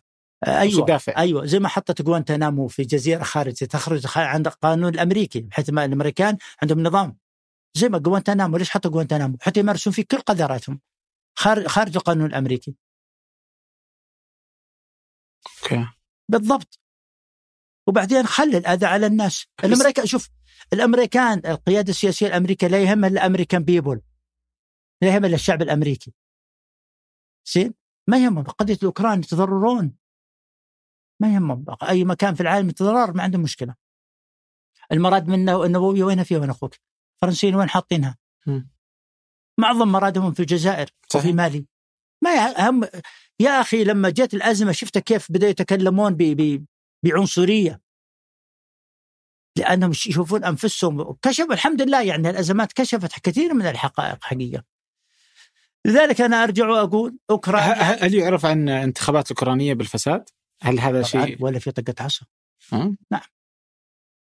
كل شوف أنا بقول شوف أنا أخوك حتى انتخابات أمريكا الأخيرة ما كان ما كان بايدن يفوز. خلينا نكون صريحين. يعني شوف الآن العالم التقني والعبث التقني. إحنا من كان يعرف ولا حد يس... حتى في داخل أمريكا يعرفون بايدن ما هو فايز وعارف إن بايدن أخذها يعني ناخذ ونعطي بس آه، لا لا لا, مو كلامي أنا شوف شوف أنا أحترم التخصص أنا إنسان لا أعرف عن أمريكا يعني قد ما يعرفه غيري ولا واحد في المئة. Okay. طيب لما تقول لي قبل شوي إن الحرب آه، آه، الحرب دينية و صح؟ نعم. وفيه الدكتور عبد العزيز المقبل أو عبد العزيز المقبل عفوا يقول إنه يعني الأزمة الأوكرانية آه، من الصعب تحديد أي توقيت بدأت الأزمة الأوكرانية لأن الأكيد هو البعد الجغرافي يظل الأهم آه، في هذه الأزمة وهو أساس الخلاف وليس هناك خلاف لا اقتصادي ولا غيره وين نقدر نحط ال... لا كل هذا صحيح طيب لما نقول البعد الجغرافي إيش نقصد فيه؟ يقصد في جغرافيا السياسية لأوكرانيا وأنها الأجزاء اللي الإقليم الشرقي وبحر أوزوف والقرم أنها مناطق روسية وتعتبر روسيا جزء بس هذا ما نقدر نأخذ فيه برضو وفقا للقوانين العالمية الجديدة صح؟ يعني ما نقدر نقول والله هذه كانت تجي أي دولة تقول هذه كانت حقتي أنا. ممكن تاخذها بالمفهوم العام ولكن لما تنزل للوقائع والتفاصيل والوثائق ممكن تلاقي شيء مختلف يعني. هذا أمر أنا ما ما أستحضر في شيء حقيقة. مم. ولكن كعرف عام نعم نقول هالكلام. وأنت تقول ديني لأنه يهودي وهذولا. لا لا لا لا لا آه. ديني لا من زاويه أخرى. وش لا لا زاويه أخرى. التاريخ الحروب في في أوروبا وش؟ حرب دينية. صحيح. بوتين في بداية الأزمة وش قال؟ قال كلمة خطيرة جدا. لما تحدث قال إحنا لن يعني لن يعني لما بدأت أزمة أوكرانيا قال إحنا لن نبدأ بهجوم على أي أحد. لن لا الناتو ولا دول الناتو ولا أمريكا. ولكن نحن مستعدون. لأي هجوم يأتينا؟ سيكون الرد بغير ما يتوقعونه ولن يكون عندهم الوقت للتوبة. لأنهم ما يرونهم مؤمنين. الأرثوذكس لا يرون الكاثوليك مؤمنين. بل أنه لما البطريق كيريل زعيم الكنيسة الأرثوذكسية في موسكو قابل البابا شنوا عليه حملة. كيف تقابل واحد غير مؤمن؟ ويرون أن المسلمين أقرب لهم ديانة من الكاثوليك. كاثوليك. نعم. Wow. والحرب التاريخية في أوروبا حرب دينية. والوعي الديني حاضر ترى شوف. حتى عند بوتين طبعا طبعا حتى حتى الأمريكان. الأمريكان ترى في العمق عندهم في الديب هي حرب حروب دينية. ومجيهم للعراق نسينا كلمات جورج بوش الابن. قال هذه قال هذه بوصايا الرب. قال علانية. وثم تحدث بعدين وقال هذه هذه حرب دينية لتعجل بخروج المسيح. لأنه هذه حقيقة تاريخية أن المسيح متى يخرج عليه السلام؟ إذا استأسد اليهود. فيقول تمكين اليهود في المنطقة هو تعجيل خروج المسيح عليه السلام وعودة حكم المسيح للعالم هذا حرب دينية إحنا نحن نسمع لنبي ونترك حقيقة نغفل عن الحقائق طيب إذا نبغى نرجع بعد الاستراحه إلى ال إلى ال الأزمة آه، وش ال وش ال وش الظروف اللي أدت إلى هذا الصراع؟ ال- الصراع العسكري والدخول العسكري. ليش اختار بوتين إنه يكون عام 22 هو العام يعني هل هو كان بالتخطيط ولا محض الصدفة؟ شوف آه، أنا كنت متوقع يعني أن روسيا تلجأ إلى عمل استخباراتي أكثر من العمل العسكري. في مراقبة المشهد. هذا اولا، ثانيا أن روسيا محضرة لهذا الأمر مبكرا.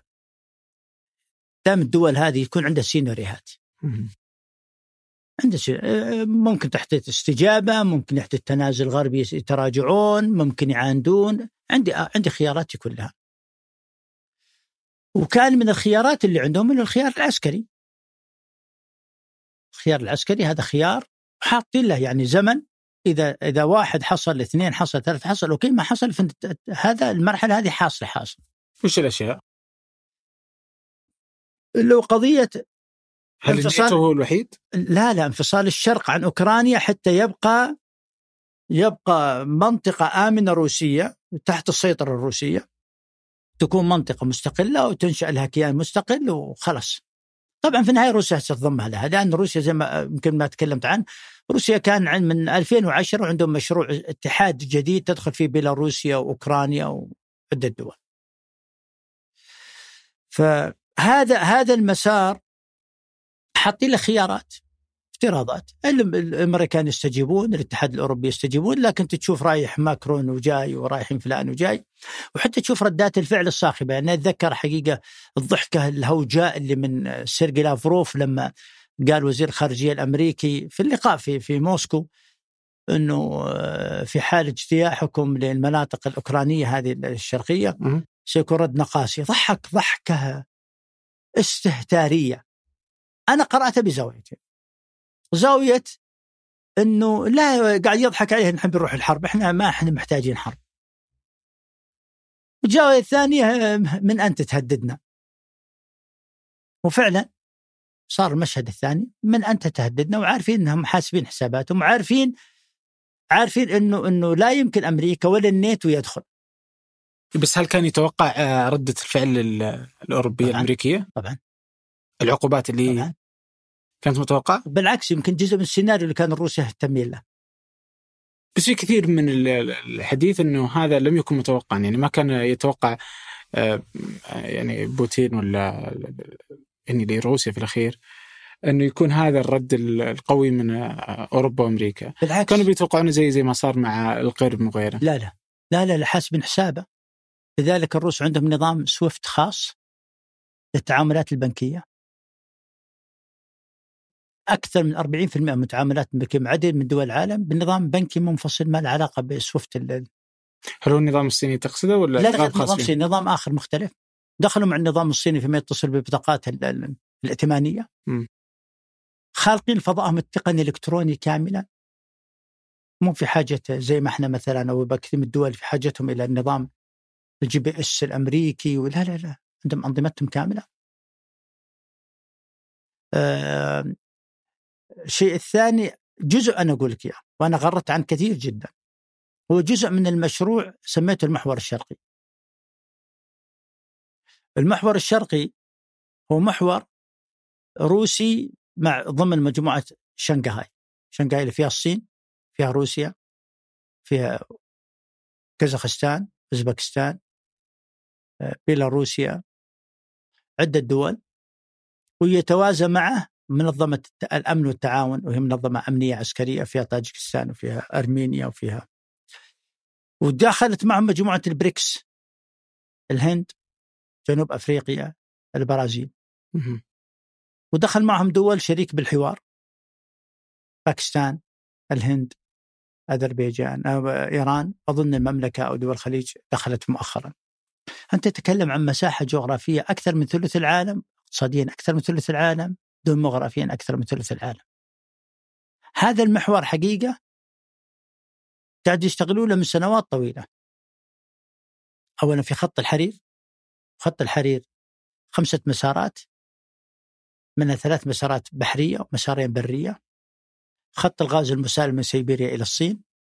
الروس تأخروا في الانضمام إلى مشروع طريق الحرير من اللي نشأ من عام 2009 إلى 2015 في مايو 2015 دخلوا فيه لأنه يتقاطع مع الأورا مشروع الأوراسي الروسي. ولكن آه، صار في تفاهمات واندمجوا لأن 60% من طريق الحرير إما ينتهي في روسيا أو يمر عبر روسيا. فالصين ليست في غنى عنه. فلذلك الآن هذا محور اقتصادي كامل. ضخم جدا. الأبعد من هذا كله علماء الاقتصاد يقولون هناك دورات اقتصادية كونية. كل 500 سنة. إحنا في نهاية الدورة الاقتصادية الكونية الثانية. وإحنا داخلين على دورة اقتصادية كونية جديدة. ولذلك الصينيين والروس شغالين عليها. أنت تشوف العملات الرقمية بل عندهم الآن مشروع حتى بنك مركزي مشترك ضخم بس جداً. بس روسيا لا يشكل من اقتصاد العالم إلا 3% يعني ولا يصدر إلا البترول والقمح شوف إحنا مشكلتنا نمشي- فما عنده لا لا لا, ما لا مو. صحيح لا لا مو صحيح خلينا خلينا خلينا نأخذها بمعادلة لا إنه ناقض معلوماتك خلينا نأخذها بمعادلة أخرى إحنا مشكلتنا نمشي بالمؤشرات الغربية صح؟ مم. طيب دين العام الأمريكي كم؟ تريليونات 30 مم.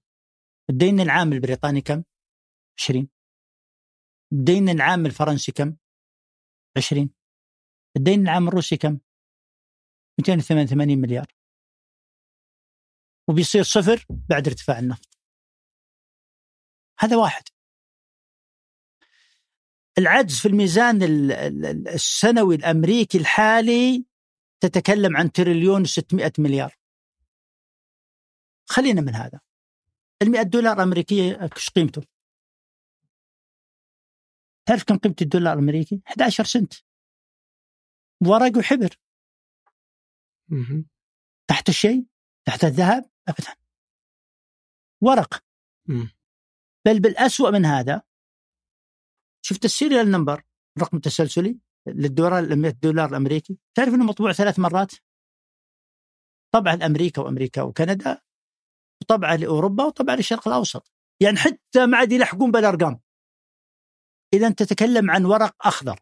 لما بدأت أزمة كورونا إيش قال ترامب؟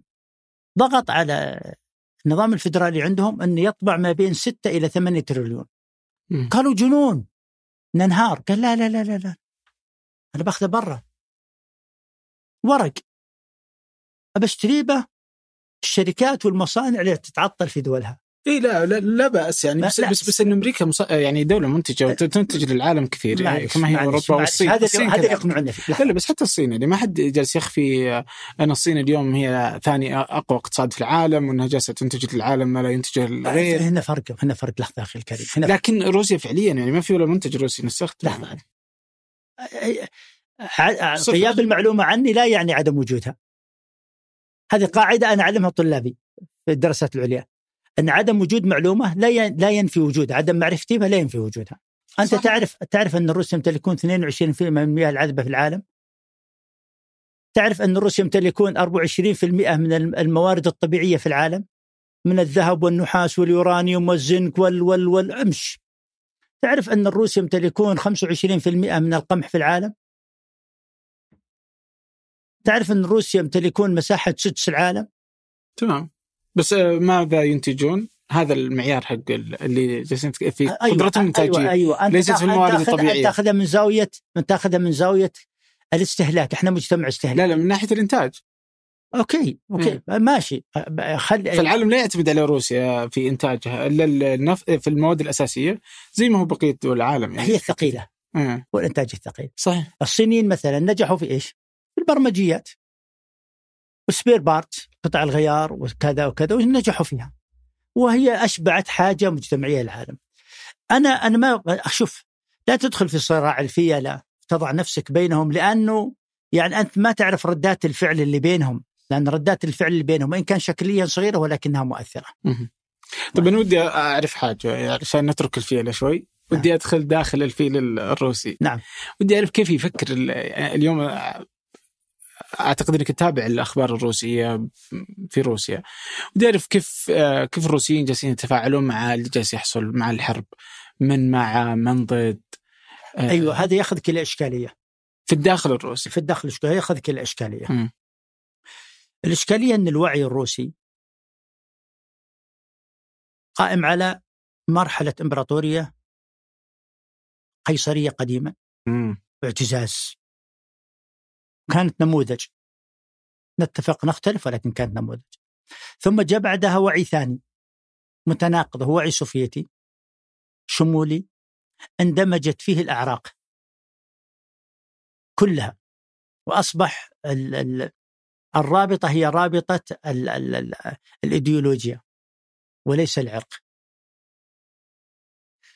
لما سقط الاتحاد السوفيتي دخلت المساحة في فترة زمنية من الفوضى وأنا قلت من 25 ديسمبر 91 إلى أظن 25 ديسمبر 93 سنتين كاملة أسوأ مراحل روسيا وأنا عشتها. فوضى عارمة فوضى الدستورية حتى نطلع الدستور الجديد لروسيا الاتحادية. فوضى عارمة إلى كذا. مارس فيها الغرب كل ما يملك من قذارة في امتهان الروس. فخلق عند الروس وعي ما أقول انتقامي ولكن يستحضر السوء اللي مارسه العالم الغربي في العمق الروسي. فترة يلتسن طالما في أسماء أناتولي تشوبايز ومجموعة.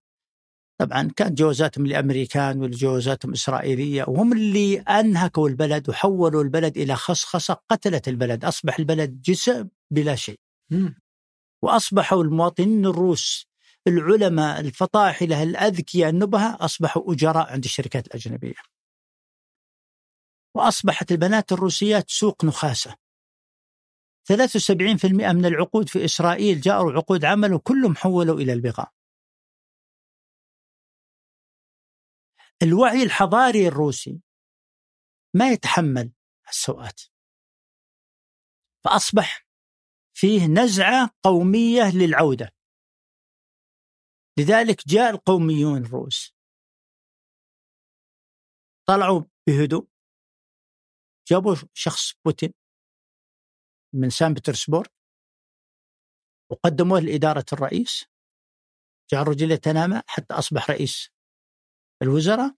وصار في تفاهم مع يلتسن إلا النظام الدستوري إنه في حال عجز الرئيس أو وفاة الرئيس. إنه رئيس الوزراء يحل محله. كان في تفاهم إنه تطلع خارج المشهد ولا تتم ملاحقتك ولا شيء. وكونوا حقيقة المكون هذا وبدأ يقودون البلد من العمق.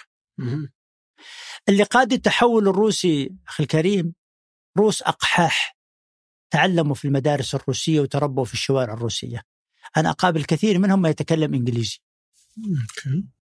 لأن بوعيه الروسي نعم ما عندهم ناس أدوات لهم بعدهم من دراسة برا وعي روسي. فلذلك الوعي الروسي هذا أصبح وعي قومي وطني يرعى المصلحة الوطنية. لقوا في شخص بوتين أتكلم عن المواطنين الرجل اللي بدأ يستعيد الهيبة لروسيا وبدأ يستعيد العزة للمواطن الروسي. أصبح المواطن الروسي من اول يعني كنت أستاء.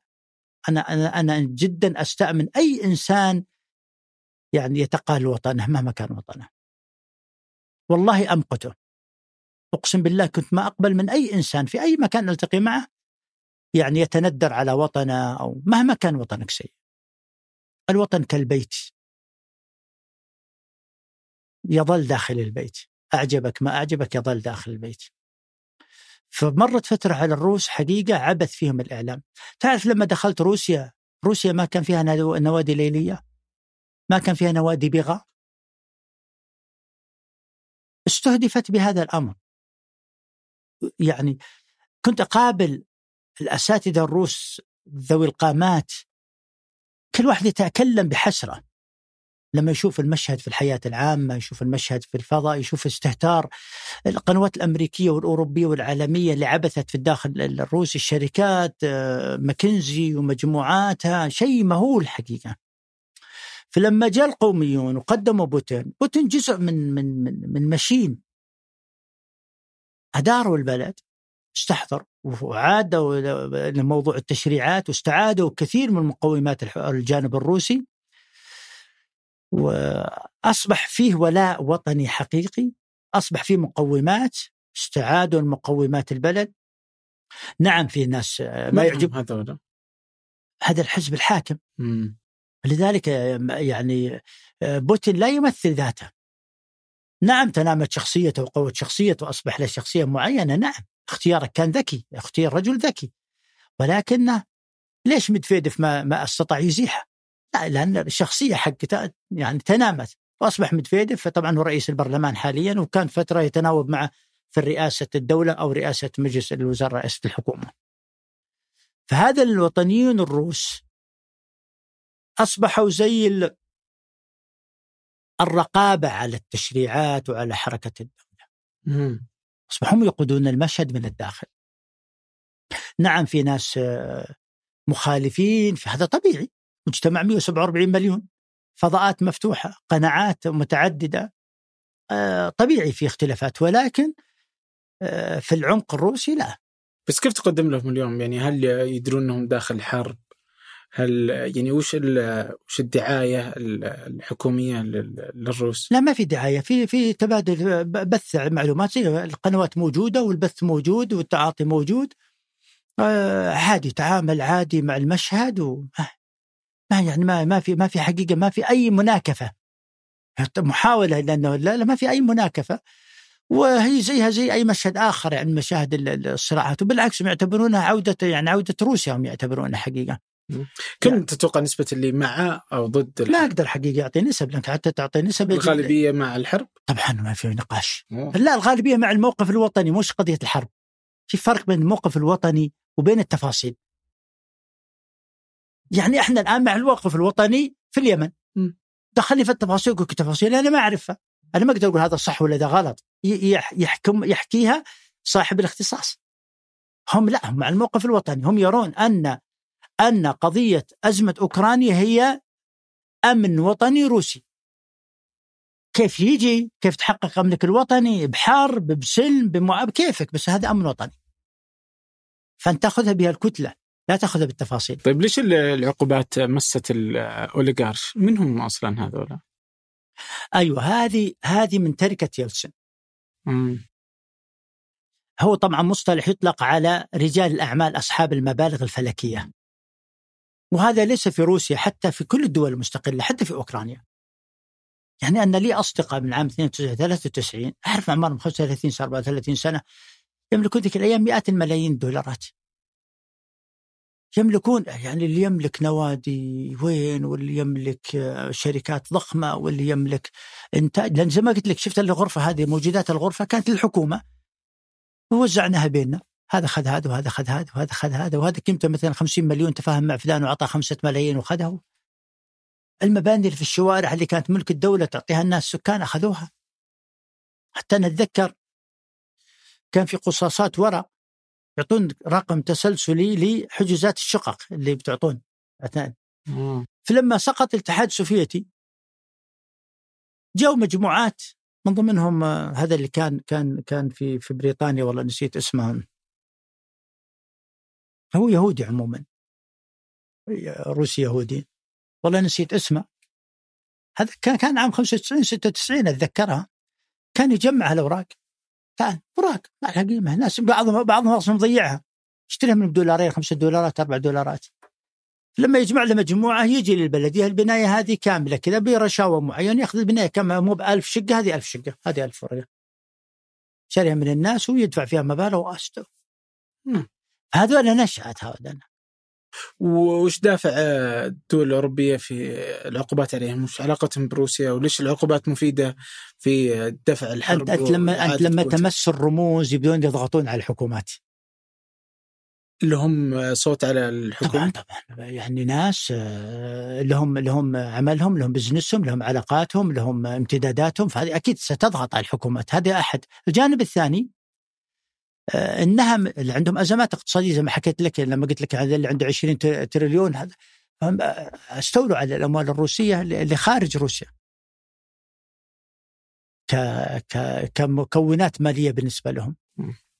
موالين لبوتين والحكومة الروسية؟ لا بغض النظر موالي ولا زي إبراهيموفيتش هذا اللي في تشيلسي ما له علاقة بالحكومة الروسية ولا موالي ولا موظف دوله ولا له علاقة. واستم على ناديه وعلى مذا وتم طرده من المشهد هذا نموذج من الديمقراطيات الغربية. أوكي، متى تتوقف الحرب؟ وش المطالبات اللي ممكن آه، يتفق عليها بوتين أو تبي بالمنطق ولا الواقع؟ بالمنطق وبالواقع يلا بالواقع لن تتوقف قريبا مم. ليه؟ لأنه آه، في طرفين متناقضين الأمريكان ليس مصالحهم توقف الحرب ليه؟ مو متضررين وزيادة الضغط على روسيا وضغط على الدول الأوروبية اللي ما مشت معهم اللي هي فرنسا وألمانيا. ثانيا تعطيهم مساحة زمنية لتقوية التحالف الجديد أمريكا بريطانيا أستراليا. فهم هم مستفيدين من الحرب ومزيد من الضغط على روسيا والضغط على الأطراف الأخرى. هذا الجانب، الجانب الثاني أن روسيا بدأت أمر لن تتوقف حتى تنهيه. لن ينسحب؟ حتى تنهيه. واللي هو؟ اللي إعادة هو؟ عزل الشرق الأوكراني. بأي شكل قانوني يتم انفصاليين سموها يسوي لهم آه، حكومة انفصالية تعترفون ما تعترفون هذا يخصكم. الغرب لك- آه، كييف ولفيف ومجموعتها أنها طبعا هي ركزت على ضرب المكونات ال- السياسية والعسكرية بحيث تشل أركان الدولة. وتصبح كيان ليس له علاقة سياسية أو عسكرية مع الناتو. ليس من مصلحة روسيا طبعا ضرب العمق المدني لأنك زي اللي يجرح يده في النهاية مسلاف آه، المحيط الشرقي الروسي ترى 48 أو أكثر روس روس روس مش مش مجرد لا روس. الشرق الأوكراني 48% روس. يعني الأوكران أقلية فيه لأن الباقي فيه عر- عراق فيه فيه التتر تتر تتر القرم. فيه يعني فلما تجي إلى إلى إلى هال- ال- ال- إلى هالزاوية الروس يؤذون أنفسهم. ثم الروس معنيين بتطوير هالمنطقة وإعادتها. الروس لهم عدة مكاسب. منها أولا زي ما تكلمنا عن المعامل البيولوجية ومهما كانت حقيقتها من هذه ولكنها تظل مؤشر العزل عن عن عن هذا ثم تخويف الآخرين. هل تتوقع الدول الأخرى اللي كانت تبع المعسكر الشرقي بعد هذا الإجراء بتتمادى ضد روسيا مع أوروبا؟ مثل ما. لاتفيا إستونيا؟ بس إستونيا ولاتفيا already ضمن الاتحاد إي بس- ضمن الناتو. Okay. بس لن يسمحون بتمدد ناتو عسكري يجعلهم لأن الروس لن يسكتون في حالة مع ان هذه ما تمثل شيء بالنسبة لروسيا اي بس هي دول التحالف دول تحالف فما عندهم شيء يسوونه يعني خلاص ما. لا لا ما عندهم شيء يسوي لذلك أنا قلت لك إنه إنه إنه, إنه أوكرانيا كانت كسر عظم مم. روسيا يعني حطت أنها هذا كسر عظم لا, لا يمكن لا يمكن التأخر فيه هل ممكن آه تنشأ حرب عالمية ثالثة؟ العالم غير مستعد العالم غير مستعد وش الخط الأحمر اللي ممكن لا تقبله دول الاتحاد الأوروبي من من هذه الحرب؟ متى يصبح هذا لا يمكن القبول به؟ شوف اتحاد دول الاتحاد الأوروبي أنا أعتبر أنهم في أضعف مراحلهم الزمنية. ليسوا صناع قرار حاليا وليسوا يعني ليس لديهم القدرات على اتخاذ موقف. الفرنسيين والألمان ما هو بس يبون يعيشون الآن. ما هو قادرين. اللي يلعب بالمشهد البريطانيين والأمريكان اللي عايشين المشهد. أوكي آه. ما لا لانهم الآن يعانون يعانون. معاناه يعانون معاناة كبيرة جدا وكل ما طالت أمد الحرب كل ما ضغطت عليهم فما بالك عاد لو تدخل حقيقة تتوسع مدى الحرب بس برضه هي تضغط على روسيا ولا ما تضغط؟ يعني كل هذه العقوبات الاقتصادية ما تعتقد إنها ستؤثر على الداخل الروسي؟ أكيد تاثر بس في بدائل على سبيل المثال آه، المطاعم الغربية 850 مطعم ماكدونالدز خرجت صحيح الآن المطاعم التركيه تتسابق بس ما يمكن صح؟ ليش ما يمكن؟ يعني لأن أمريكا لن تسمح لأحد انه يدخل. لا لا تدخل روسيا لا لا ما لها علاقة. لا راحوا. راحوا. بالعكس وأنا الآن أجل فائده العقوبات؟ والعقوبات إنه ما حد لا لا سحبوا الشركة. حتى الآن إيش قالوا الأمريكان؟ الاداره الأمريكية أمس. إحنا ما طالبنا الشركات ما نطالب الشركات إنها تطلع من السوق الروسي. حسوا إنهم أخطأوا. أخطأوا ترى. أخطأوا. طلع كنتاكي طلع برجر كينج طلع ماكدونالدز طلعت الشركات طلع. لقونا تركوا الفضاء السوق الروسي السوق الروسي جابوا بدائل. فلما تضرر من؟ طيب هذا أصبح عبء على الأمريكان عبء بسيط يعني بالنسبة لبعض الشركات من اتخذت هذا القرار إنها انسحبت يعني بسيط بس إنه الشركات بس من اي معيار بسيط؟ لما تقول 850 فرع ما كنا شنو بسيط؟ يعني عادي ما 850 فرع عادي وين وين أخوك هذا لما تتكلم في زاوية شركة واحدة اي بس من أصل كم يعني عندهم عشرات الآلاف من الفروع مو بعشرات يعني مئات الآلاف فروعهم كثيرة فيعني بالنسبة لها يعني أحس إنها تقدر تبلع الشركات. حتى خروج مثلا Apple وشركات وماكنزي وبي دبليو سي ومدري إيش. يعني ما ما احس ذاك المشكلة بالنسبة للاقتصاد الأمريكي. هذا قصدي. أنا شوف أنا أتصور إحنا قاعدين نعطي الاقتصاد الأمريكي قيمة أكبر من من قيمته الحقيقية. م- أنا ولا زلت أقول هذا كلام بكل قوة، أنا ماني اقتصادي. م- ولكن لما تفتش في الاقتصاد الأمريكي ما له مستمسكات. يعني الاقتصاد الأمريكي الاقتصاد الامريكي يحمى سياسيا حتى لا ينهار. الان ما له مقومات. أنا أقولها وأقولها بالفم مليان. إذا استطاعت الصين ومحورها أن تنجح في تنمية التبادلات التجارية هم قاعد يشتغلون عليها عموما التبادلات التجارية الثنائية بعيدا عن الدولار ستجد الدولار أوراق تتطاير في الهواء ما حد يشيله okay. وأقولها بكل قوة. لأن الآن الدولار من أين اكتسب قوته؟ هو من قرار الأمم الأممي بأنه هو التسعير الدولي كما اعتبروا اللغة الإنجليزية لغة التعامل الدولي. قرار أممي ينتهي في أي لحظة.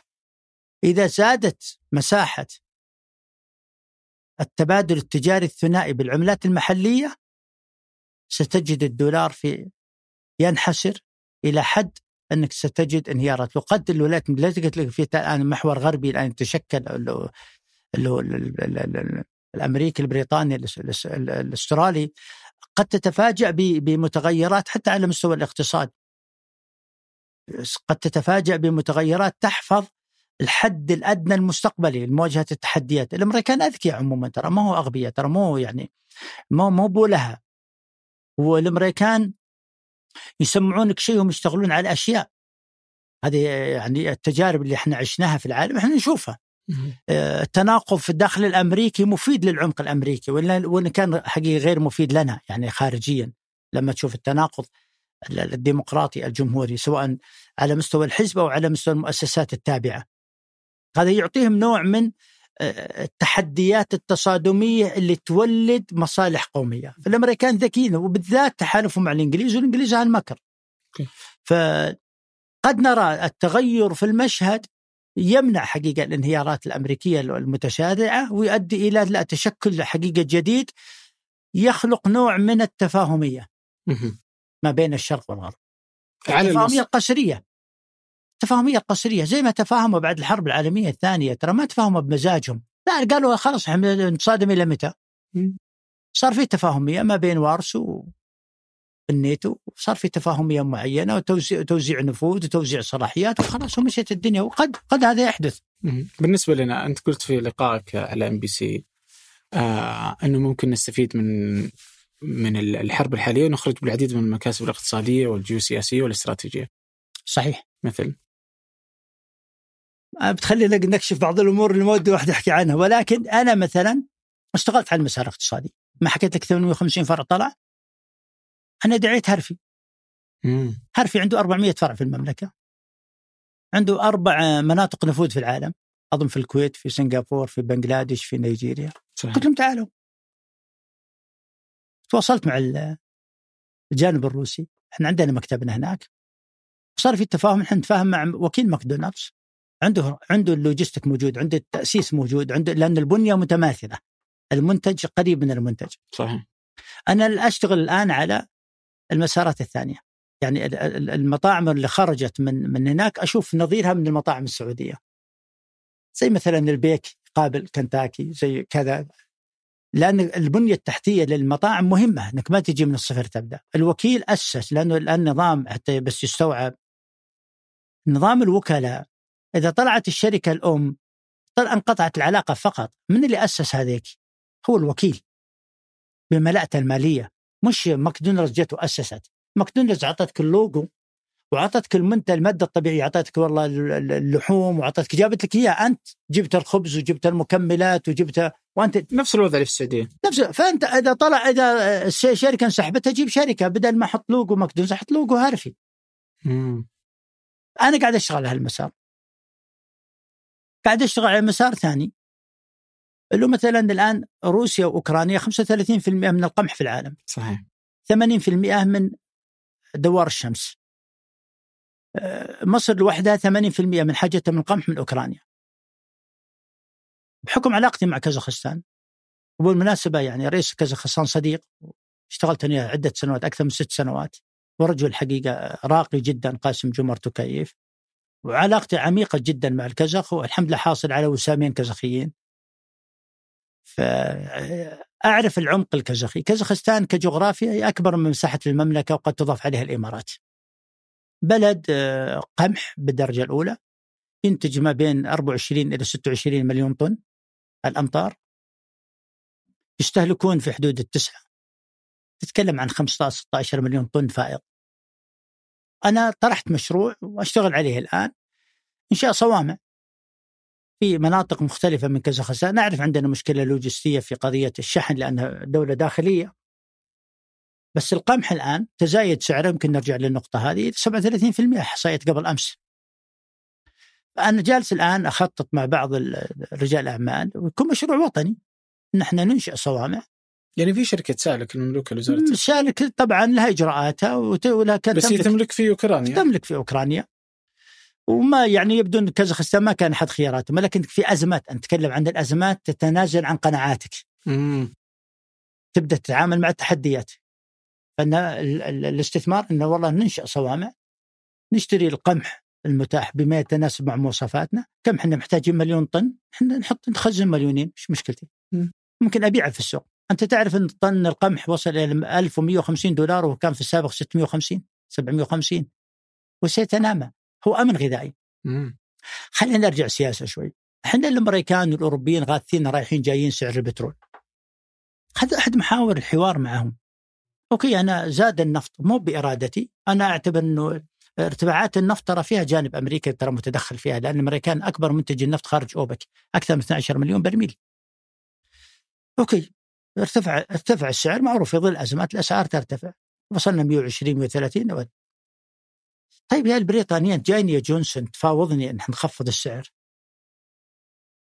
يأخذون البرميل ب 120 دولار.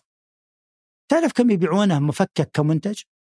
يتجاوز ال 450 هم يبيعونه على سوقهم المحلي.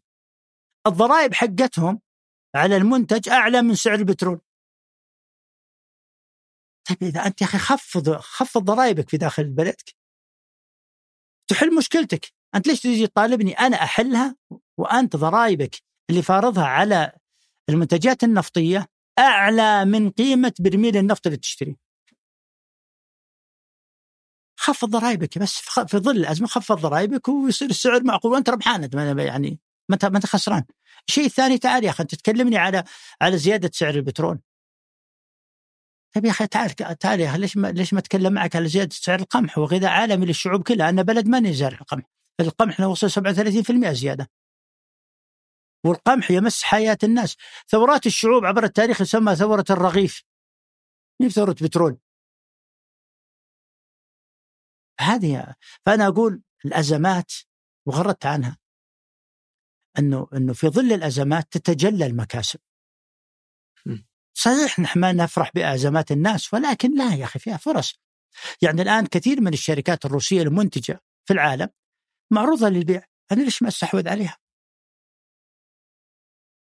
وبستحوذ عليها ليس بسعر قيمة السوقية مثلا قيمتها 100 مليون لا يمكن نشتريها ب 50 60 ويحمد ربنا نشتري منه زي ما سووا الأمريكان لما قلت لك في في عهد ترامب لما بدأت أزمة كورونا كان نطبع. وكثير من المصانع والمتعطلة في الان نروح نشتريها نعطيهم ورق. تنتهي أزمة كورونا نكون تملكنا ب 8 تريليون مؤسسات اقتصادية ضخمة في العالم.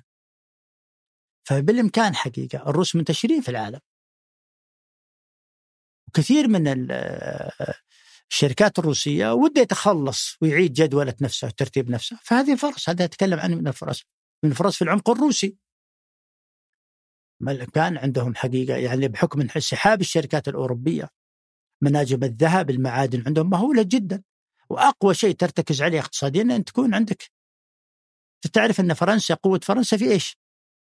فرنسا رابع دولة في في الذهب في العالم الاحتياطي وما عندها منجم واحد. مم. مالي عندها 750 منجم وما عندها طن واحد احتياط ماخذين الفرنسيين.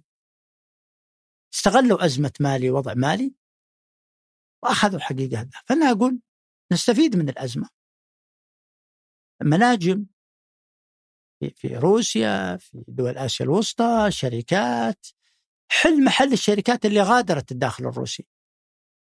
ستكون لك مكونات اقتصادية مهولة. بالذات في في في في المنتج غير استهلاكي. أنا ضد الأشياء الاستهلاكية إنك تكون يعني في نمط استهلاكي. هذه أنا في تصوري حقيقة يعني هذا الأمر. طيب آه الله يعطيك العافية والله.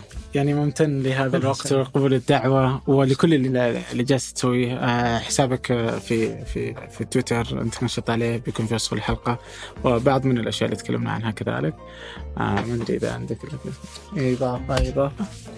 طيب الله يعطيك العافية. وياك. شكرا لك. شكرا لكم. شكرا لياسر غانم خلف الكاميرات. وفي الإعداد أمل السعيدي وأسيل عبد الله في التنسيق. أيمن الحمادي وفي تحرير هذه الحلقة عدي عيسى الهندسة الصوتية محمد الحسن. آه والإشراف على إذاعة ثمانية سحر سليمان. هذا فنجان أحد منتجات شركة ثمانية للنشر والتوزيع نشر كل إنتاج بحب من مدينة الرياض. الأسبوع المقبل ألقاكم